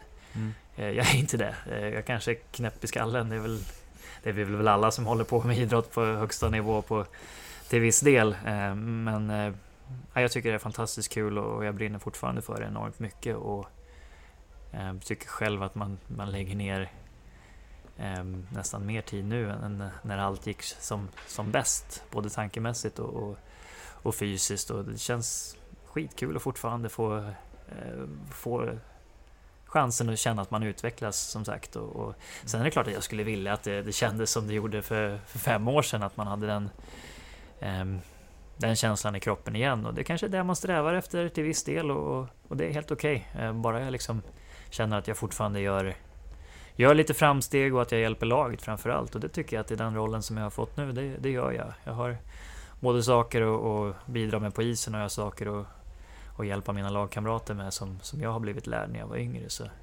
så det känns jäkligt kul. Tycker du eh, själv att du är en sämre hockeyspelare idag än vad du var då? Ja, det, det är jag. Och med ålderns rätt också så, um, så kan man inte förvänta sig att man får samma resultat när man är 35 som man är när man är 25. Mm. Um, så, men jag är bättre på vissa saker nu när jag är 35 mm. än när jag var 25, den saken är säker. Mm. Ehm, de som bara har sett mig de sista 4-5 åren kanske inte inser att jag var någon som, eh, som satt och drack eh, saft på bänken när det var boxplay till exempel. Det var, det var inte aktuellt att kasta in mig de första åren. Ehm, som är en av mina styrkor nu. Så, mm. Ehm, jag, har, jag har lärt mig mycket längs vägen också som, som en naturlig del av att, att bli äldre och, och samtidigt försöka göra allt man kan för att laget ska vinna. Jag tänkte på en grej när du sa, där, när du berättade om idrottsläraren. Mm. Som sa att du var liksom eh, Ja, det lät ju inte som att han trodde att du skulle bli den man lutar sig mot när det blåser direkt. Eh, alla de otroligt starka ledare som har spelat i Färjestad, mm hur mycket har de del i att format dig till att du också blivit sån? Ja, men det, det är nog mer än vad jag förstår själv också. Men jag tycker, tror att man ofta är en resultat, ett resultat av sin omgivning och den eh, den kulturen som fanns när jag klev in i omklädningsrummet i, A-laget första gången var eh, otroligt stark. Eh, det var inte... Det var lätt... Det var inte svårt att bli påverkad om man säger så. Liksom att, eh, de, de hade en stark kamratskap, det var, det var en bra laganda, men samtidigt så var det allt för att vinna och allt för laget. Och, eh, ja, men det var en, väldigt många som, som var dels schyssta kompisar och, och, och ehm, som ställde upp för varann men samtidigt så var det hårda krav på varann när det, när det var match och när det var, ja, för all del träning också. När det gällde att vinna så, så gjorde man allt för det. När du förlängde kontraktet, eh, nu får du rätta mig igen om jag blandar ihop säsongerna, men senast ja. så var det väl rubriker om att du gick ner kraftigt i lön? Eller var det... Det var för två år sedan. För två ja. år sedan. Kan du utan att säga siffror eh, ge en hint om hur mycket? Alltså... Ja, jag vet att det där är intressant och, och framförallt för Emil Karlsson på Sportbladet som eh, plockar siffror fritt ur luften så det är väl bättre han svarar på dem egentligen. Eh, bra, nu fick jag pika honom också. Nej men all, allvarligt talat så det var varken... Eh, det var inte de siffrorna som, som, eh, som framkom i media som jag hade tjänat innan. Men jag tjänade fantastiskt bra. Mm. Jag var väldigt nöjd med det men jag var också tycker jag själv, förtjänt av det kontraktet som skrevs eh, när jag kom hem från NHL då. Mm. Det var ett baktungt kontrakt då som jag tjänade mer det sista året än det första året när jag kom hem. Mm. Och eh, det gjorde ju också att det blev mindre pengar kvar till att förstärka laget med, med andra då. Så när, när min kapacitet gick ner så, så blev det ju såklart, det blev inget bra för laget just då. Mm.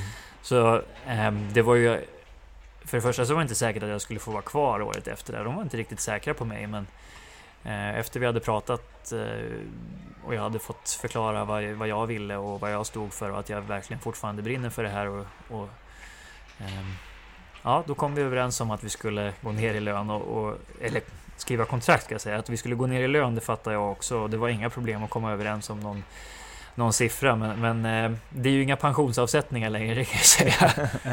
eh, utan det, eh, Jag spelar... Jag spelar förmodligen... Jag, jag har... Eh, vad ska jag säga, om jag sprider ut det per poäng så, eh, så får jag nog göra väldigt få poäng för att det ska bli samma snitt. Ja. Är det... Mm, alltså snackar vi en... Eh, ja, alltså är det en fjärdedel, femtedel? Ja... Det är nog mindre ändå, Det är det alltså? jag vet inte. Ja. ja men alltså det, för man tänker så här ja. ibland att... Um, men jag, jag har väl lite koll i alla fall, eh, alltså som, sagt, som vi snackade om förut, jag har jobbat mest inom fotboll. Där har jag i alla fall lite koll på vad folk har tjänat ja. och tjänar.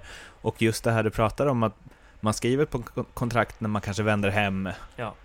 och får väldigt bra betalt och ett långt kontrakt och helt plötsligt så matchar det inte alls Nej. den spelaren man är. Liksom. Nej, men lite grann så är det. Men å andra sidan så om vi vänder på det, de första åren som jag spelade, de, de två första åren, så Eh, det året när jag, innan jag blev proffs så, så tjänade jag mindre än vad jag gör nu.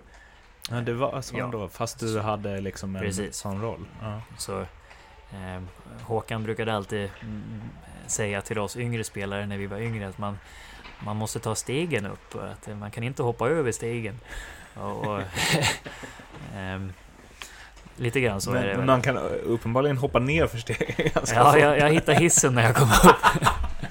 Nej men eh, ärligt talat, det var, det var inga konstigheter heller. Det känns ganska skönt att få visa att jag spelar inte för, för det kontraktet jag hade då. Utan när vi väl kom ut på isen så är det exakt samma känsla. Och, och trot eller ej så är det ingen som åker och kollar vad motståndaren har i, i lönelistan när man möter dem. Utan eh, det är någonting som eh, journalisterna gillar att presentera och, och, visa för fansen vad, vad alla tjänar. Och, och återigen, det finns ingen som tar i mer för att man har 500 000 i lön eller om man har 5 000 i lön. Det, man tar i lika mycket på isen ändå. Man kan inte ta i mer för att man får mer betalt eller mindre betalt. Så, eh, det där är ju en slags eh, förhandling som oftast agenterna sköter om nu också. Mm. När, när, man har skrivit på kontraktet från båda håll, då ska man vara nöjd tycker jag. Och det får jag också säga till, till Håkan eh, som eh, när det gick som sämst där och vi hade snacket om att lämna över. Det, det fanns liksom ingen från hans sida att det, det fanns någon, någon, bitterhet att de tyckte att de betalade mig för mycket pengar. Det kanske han satt och svor om när jag inte var med, men det var ändå ganska skönt att höra att vi det var liksom ingen som ville gå upp och riva kontraktet eh, för att det gick dåligt, utan det var skrivet och det var, det var vad det var. Och, och, och jag är jättetacksam för det kontraktet. Det var fantastiskt. Det har gett mig en, en fin eh, plattform att stå på den dagen det är slut. Men, men nu i gengäld så kan jag betala tillbaka genom att, spela för en en eh, ganska så billig peng i, i sammanhanget och, och, ändå göra rätt så, så bra eh, jobb för laget ändå. Så, så det känns också skönt att kunna bevisa både för mig själv och för alla andra att det, det är inte där det sitter utan det är återigen de där tre bokstäverna på tröjan som, som är, är det man vill ha. För eller mot öppna löner? Jag är nog för, skulle jag tro. Eh, jag, tror, jag vet inte om Sverige är redo för det riktigt än, men, men i förlängningen så tror jag att det är alltid bra för spelarna. Mm. Eh, att man ser vem som tjänar vad och, och eh, det är lätt att skrika eh, att den och den tjänar för mycket, och, men det är nog snarare så att den och den som tjänar för lite skulle få ett, ett hopp upp också. Skulle bli lite mer rättvist för spelarna tror jag. När, du, när du sa det, att man kämpar lika hårt oavsett vad man har för lön. Ja. Hade du, eh, om det nu hade varit eh, offentliga löner, liksom, eller det är de ju, men ja, som NHL har. Ja. Hade det någon gång kunnat vara ett, eh, liksom, ett ok? Ja, men det är det ju ändå, för de flesta de flesta vet ändå vilka som har bra betalt, de Ja. vet inte kanske hur bra betalt och det är sällan tidningarna lägger sig under när de värderar kontrakt, eh, ska det sägas. I alla fall i, min, eh, i mitt fall. Eh, Så mm, jag tror inte att jag tror inte att det spelar någon så stor roll heller vad, vad folk tycker omkring. Man vet ju ungefär, man vet ju själv vad man tjänar Mm. såklart. Och det medför ju en press också. Mm. Eh, sen vad, vad Sportbladets redaktion eller Expressen eller Kalle Karlsson på sitt plats eh, tycker om det, det, det kan man inte påverka så mycket. Så, jag, jag, jag vet inte. Jag, jag tror inte att det... Då skulle ju alla veta sen och då Mm. var det sluttjafsat. Mm. Eh, lite grann. Det är nästan värre med spekulationer och sådär. Mm. Du får tillfälle lite senare och, och ta död på spekulationen. alltså, vad bra. Eh, jag har eh, youtubat lite, som jag också gör på alla gäster, och då sa jag att jag hade hittat två klipp som jag ville prata om, och då sa du att ja, jag tror jag vet vilka du pratar om. Vi, vilka eh, två klipp tror du det var? Eh, Jag är ganska säker på att du har hittat ett ifrån eh, Frölundaborg. Där jag och Per Ledin är lite små frustrerade. Korrekt. Ja, sen är det väl kanske lite mer svårbedömt. Det andra var efter play-in-förlusten mot... Jaha, ja okej. Ja, det har jag inte ens sett själv och det vet jag inte om jag vill se. Heller. Det tror jag inte. I alla fall inte nu vill du nog inte se det. Nej. Om vi börjar med eh, dig och Per Ledin. Ja, Eh, alltså, eh, jag vet inte om du vill ha någon fråga eller om du bara vill prata om ja, jag kan väl börja få förklara mig här. Hur lång tid har jag? Nej. Ehm, det, var, det var också det här magiska slutspelet 2006 och det var redan lite dålig stämning mellan Färjestad och Frölunda där efter första matchen. Jag tror eh, Ledin hade ju kallat Salo för tjockis och lite sånt där också. Eh, det, jag, det jag minns är ju att vi, jag var inne på isen när det där hände, det så kallade målet. Och, och pucken såg ut att vara inne på isen och Mattias Johansson åkte förbi bakom och sa att den är en dess inne, den är en dess inne. Och, och så skulle de ringa där, så var vi redan då var vi lite så här. Det var precis när målkamerorna kom också. Eh, och sen visade det sig att det fanns ingen förbindelse mellan måldomaren och sekretariatet där domaren satt. Då. Så, så till slut så öppnar han... Eh, innan det så vevades också sekvensen på någon sån här liten eh, More eller TV4 eller vad det var, skärm bredvid då. Så Claes Eriksson som var assisterande coach eh, gick, gick och tittade på den där och han sa att pucken är inne. Det var en liten skärm då i och för sig, men, men han sa, och det var väl kanske de två som jag litade mest på i laget, att de skulle inte hitta på något. Så jag var helt övertygad om att den där var inne. Och då sträcker han, den här måldomaren då tydligen, som... Då satt han i en liten ja, bur eller vad man ska Mm. säga uppe i gamla Frölundaborg där och sticker ut eh, huvudet och börjar vifta med armarna som syns på klippet också att det är inget mål, inget mål. Och, och då går ju vi igång i båset där och, någonstans så jag vet, jag vet inte vad jag skrek och sa men det var säkert inte jättebra. Som tur är hörs inte det på klippet. det gör inte Det var ju inte, det var ju inte de orden som, som kom med då till slut. Så jag, det vet jag att jag hörde i bakgrunden och tänkte det var kanske inte så bra. Vadå? Eh, Ledins, Som för- ja. ja. Vet du vad? Det syns Ja. på dig så himla tydligt Ja, i det folk har sagt klippet. det också. Men jag kommer ihåg det, att det där var kanske... Om jag inte jag tyckte att det var liksom roligt att han spårade ur så fullständigt eller om jag liksom reflekterar över att just det var dåligt. Men, men det blev nästan lite komiskt att han gick igång så, så grovt då. Mm. För Eh, du är ju lack, men du har ju ändå någon form av så här Ja, jag får någon reaktion om ja. att... eh, Oj då. Ja. Men vi visste inte om att vi var filmade där till förrän efter. Så. Nej. Ja. Eh, Och sen så var det en fin intervju i pausen också där som jag tyckte var en dum fråga för dumt svar. Och, Ja. eh, andemeningen var ju liksom att ja, nu, nu verkar det inte som man kan lita på något här. Mm. Eh, men jag menade det lite grann med glimten i ögat, eh, även om det inte ser ut så. så ja, det var väl inte så klokt, men eh, så var det. Jag blev anmäld för det också av det? någon på förbundet och, och ehm, skulle ja, in till någon disciplinnämnd eller vad det var då innan sista finalen. Men som tur var så blev det inte någonting för mig och det, det var väl liksom, ja. Okay. Man får låta udda vara jämnt då. De hade ju inte sett till att det skulle finnas någon... Hade det funnits en telefonkommunikation bara ner till båset så hade det aldrig hänt heller. Så förbundet skulle väl sett till att det funkade först kan jag tycka. Så här då, med eh, många års distans, var pucken ja. inne eller? Nej, men den är inte inne. det är ju glasklart om man hade fått se de bilderna. Så. Men det finns ju någonting i det där, ja. att eh, du eh, är så jävla lack och att du säger det där med att han inte bara vill ha ett gratis årskort. Ja. Eh, som jag tänker att eh, att man behöver om man ska spela på den här nivån. Ja, i alla fall gör jag det. Mm. Ehm, jag är inte så skärmig när det blir match och tävling och har gått över gränsen till vad jag själv tycker är okej åtskilliga gånger. Mm.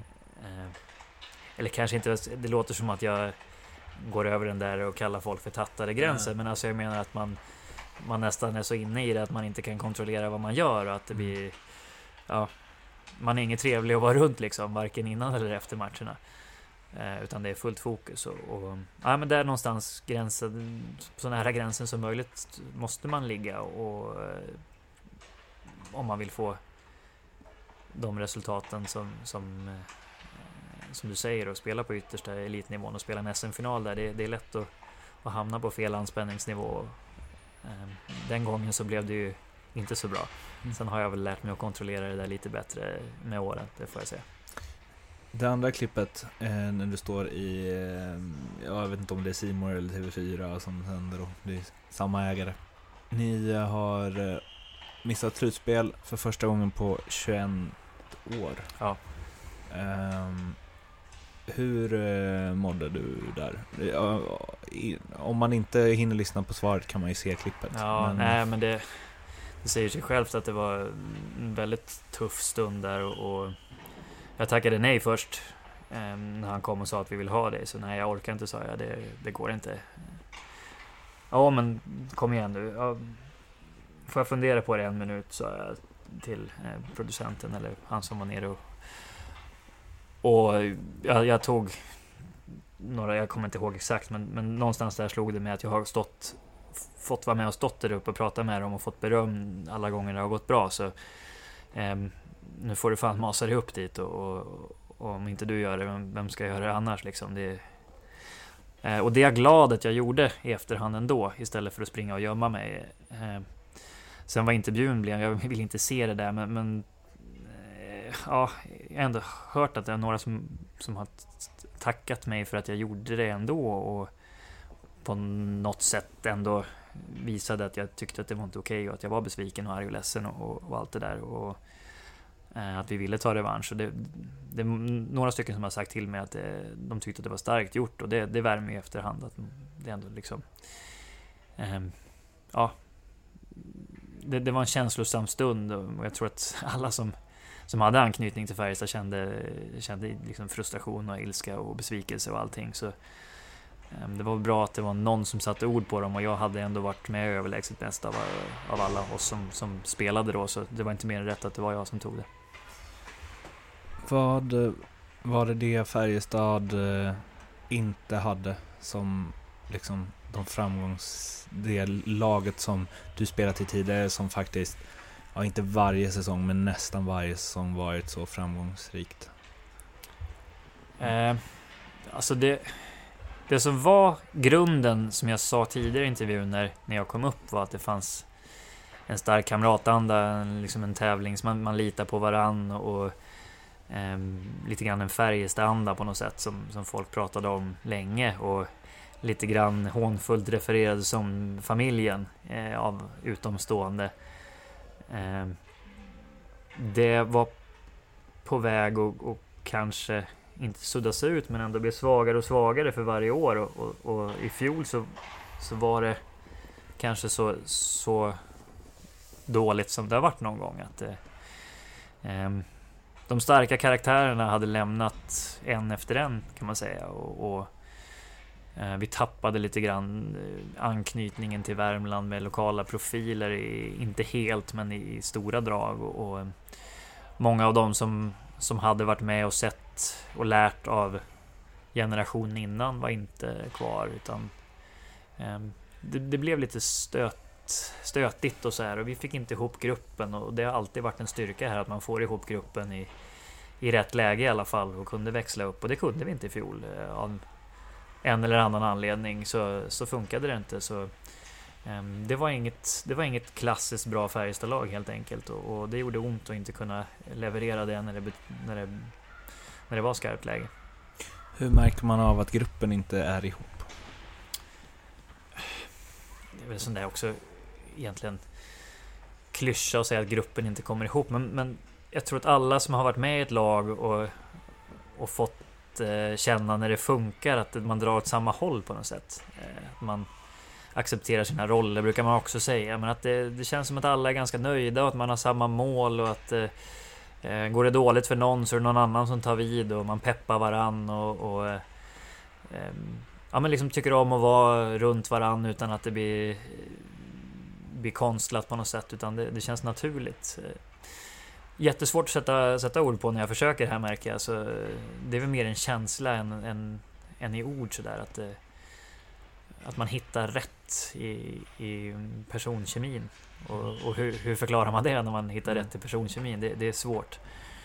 Men, men det var, det var en, en del grejer som inte var riktigt bra eh, sammansatt i, i fjol. I, i, ja, dels personkemin och sen också kanske i spelar, spelartruppen också så, så hade vi inte de verktygen som behövdes. Vill du säga något mer om det? Jättekul att prata om det. Så. Eh, däremot så tycker jag att eh, man har adresserat det som, som kanske saknades eh, i laget i fjol. Att vi har fått hem några av de profilerna. Det är Magnus Nygren och Micke Johansson som har Dels att publiken har en anknytning till dem. De, de har känslor för, för laget och klubben och, och, och gillar att vara här och vill vara här och spela här. Och, och det är sånt där smittar av sig tror jag. Det, det har blivit en, en helt annan stämning eh, utifrån fansen och, och media eh, och bland oss spelare också att eh, det finns en stolthet att spela för det här laget av rätt anledning. Att man vet om att det är tufft och att kraven är högt ställda men att man ändå liksom älskar att vara här på något sätt. Och, och ehm, jag, tror att det, det är underskattat att man, man har några, några lokala killar som har Eh, traditionen i blodet på något sätt. Det är också svårt att förklara men, men det har varit viktigt i den här föreningen alltid att, eh, att känna en stolthet till, till Värmland och till Karlstad och, och sådär. Då är det lättare för de som, som kommer utifrån och kanske inte känna samma men ändå köpa tänket lite grann. Tror du att Färjestad, det Färjestad som, eller liksom det Färjestad som är nu, vad är ni på väg? Kan det bli en ny storhetstid inom citationstecken?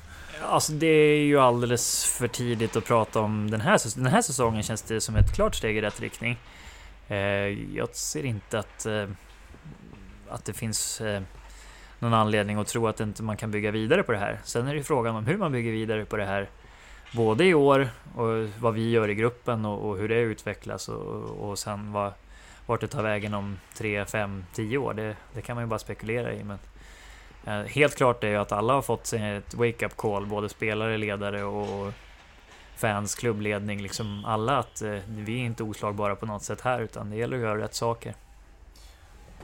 Hur ser du på din framtida karriär? Ja, hur ser jag på den? Eh, jag känner mig som jag har varit inne på, alltså det, det, är en ganska kul process jag är inne i fortfarande, trots att jag är 35 och, och känner att jag, ja men liksom ärligt, jag vet att jag har mina bästa år bakom mig. Samtidigt tror jag att jag har mina sämsta år bakom mig också. Eh, så det så länge jag känner det, det drivet att spela och att jag kan hjälpa gruppen och att jag ändå liksom blir lite bättre igen fortfarande från den här eh, sopsäsongen som det blev 13-14 där ingenting funkar. Ehm, så då, ehm, då är det liksom inget jobbigt att, satsa vidare och, och allt sånt där. Men, men om den motivationen tar slut, då, då är ju då gör det också slut och då är det okej. Okay, som det är idag så känns det jättekul och, och jag känner mig verkligen motiverad att spela och träna fortfarande. Hur många matcher tror du du har för Färjestad när du lägger skridskorna på hyllan? det vet jag inte och det är egentligen inte intressant heller. Det är också en sån sak som jag försöker jobba med nu i samarbete med Andy. Att man, man inte är i framtiden eller i dåtiden heller utan att man är här och nu lite mer. Det har jag varit dålig på i, eh, tidigare i min karriär att man, man hela tiden ska någonstans eller titta tillbaks. Ibland så glömmer man bort att spela just den matchen man ska till. Mm. Enkätfrågor som eh, alla får. Den bästa spelare som du har spelat med någon gång? Jag säger, jag har sagt Jörgen Jönsson, men nu säger jag Kenny Jönsson i landslaget. Jag tyckte han var fantastiskt bra där. Mm.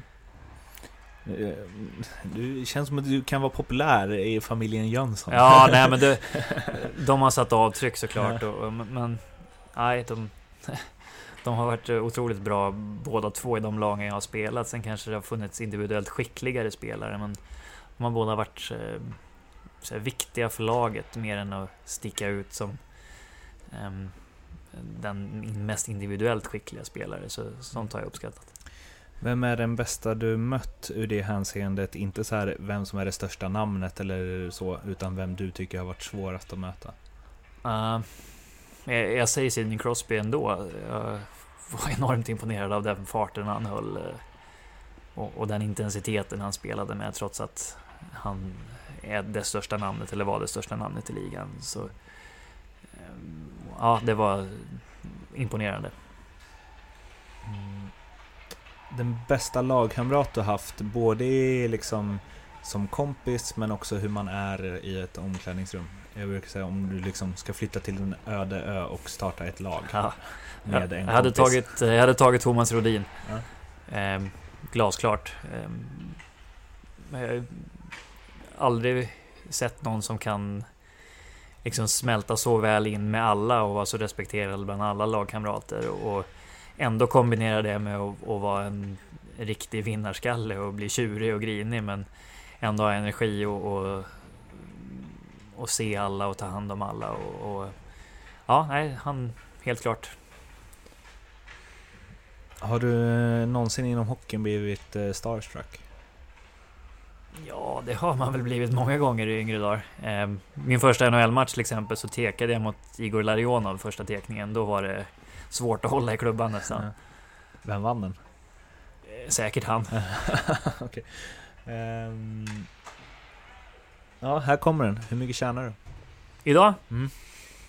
Uh, så att jag får uh, många månader uh, gå in på sparkontot nu. Nej, eh, det ska jag inte säga för, för jag tjänar fortfarande väldigt bra pengar för att spela hockey. Så, men eh, tills vi har öppna löner så kommer jag svara pass på det. Okay.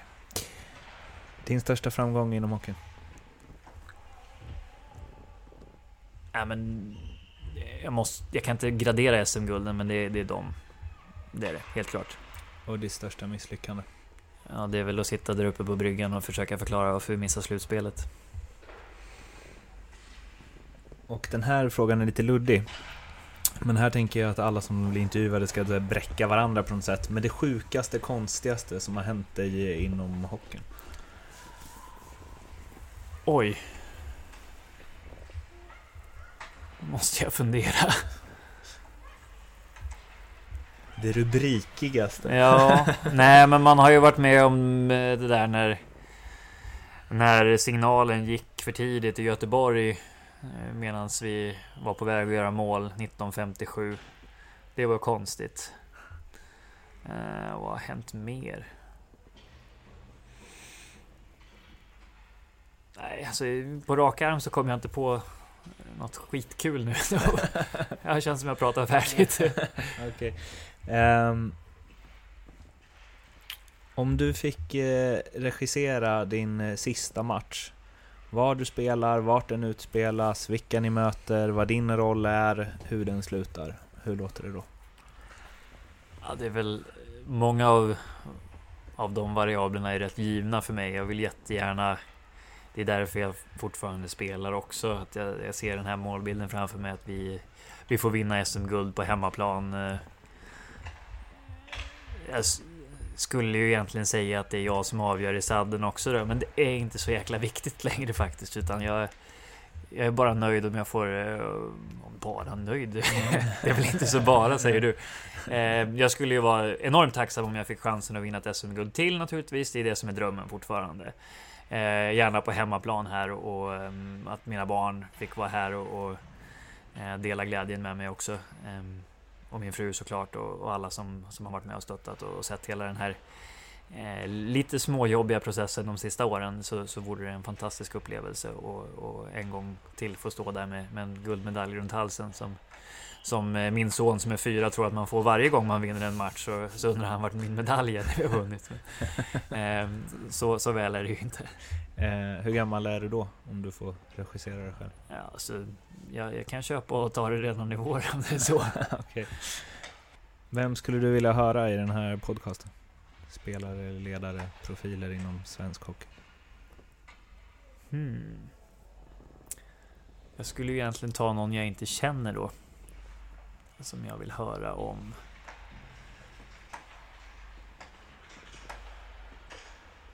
Vem skulle jag vilja det är det höra? antingen väljer man Fredrik någon... Bremberg skulle jag vilja höra. Mm.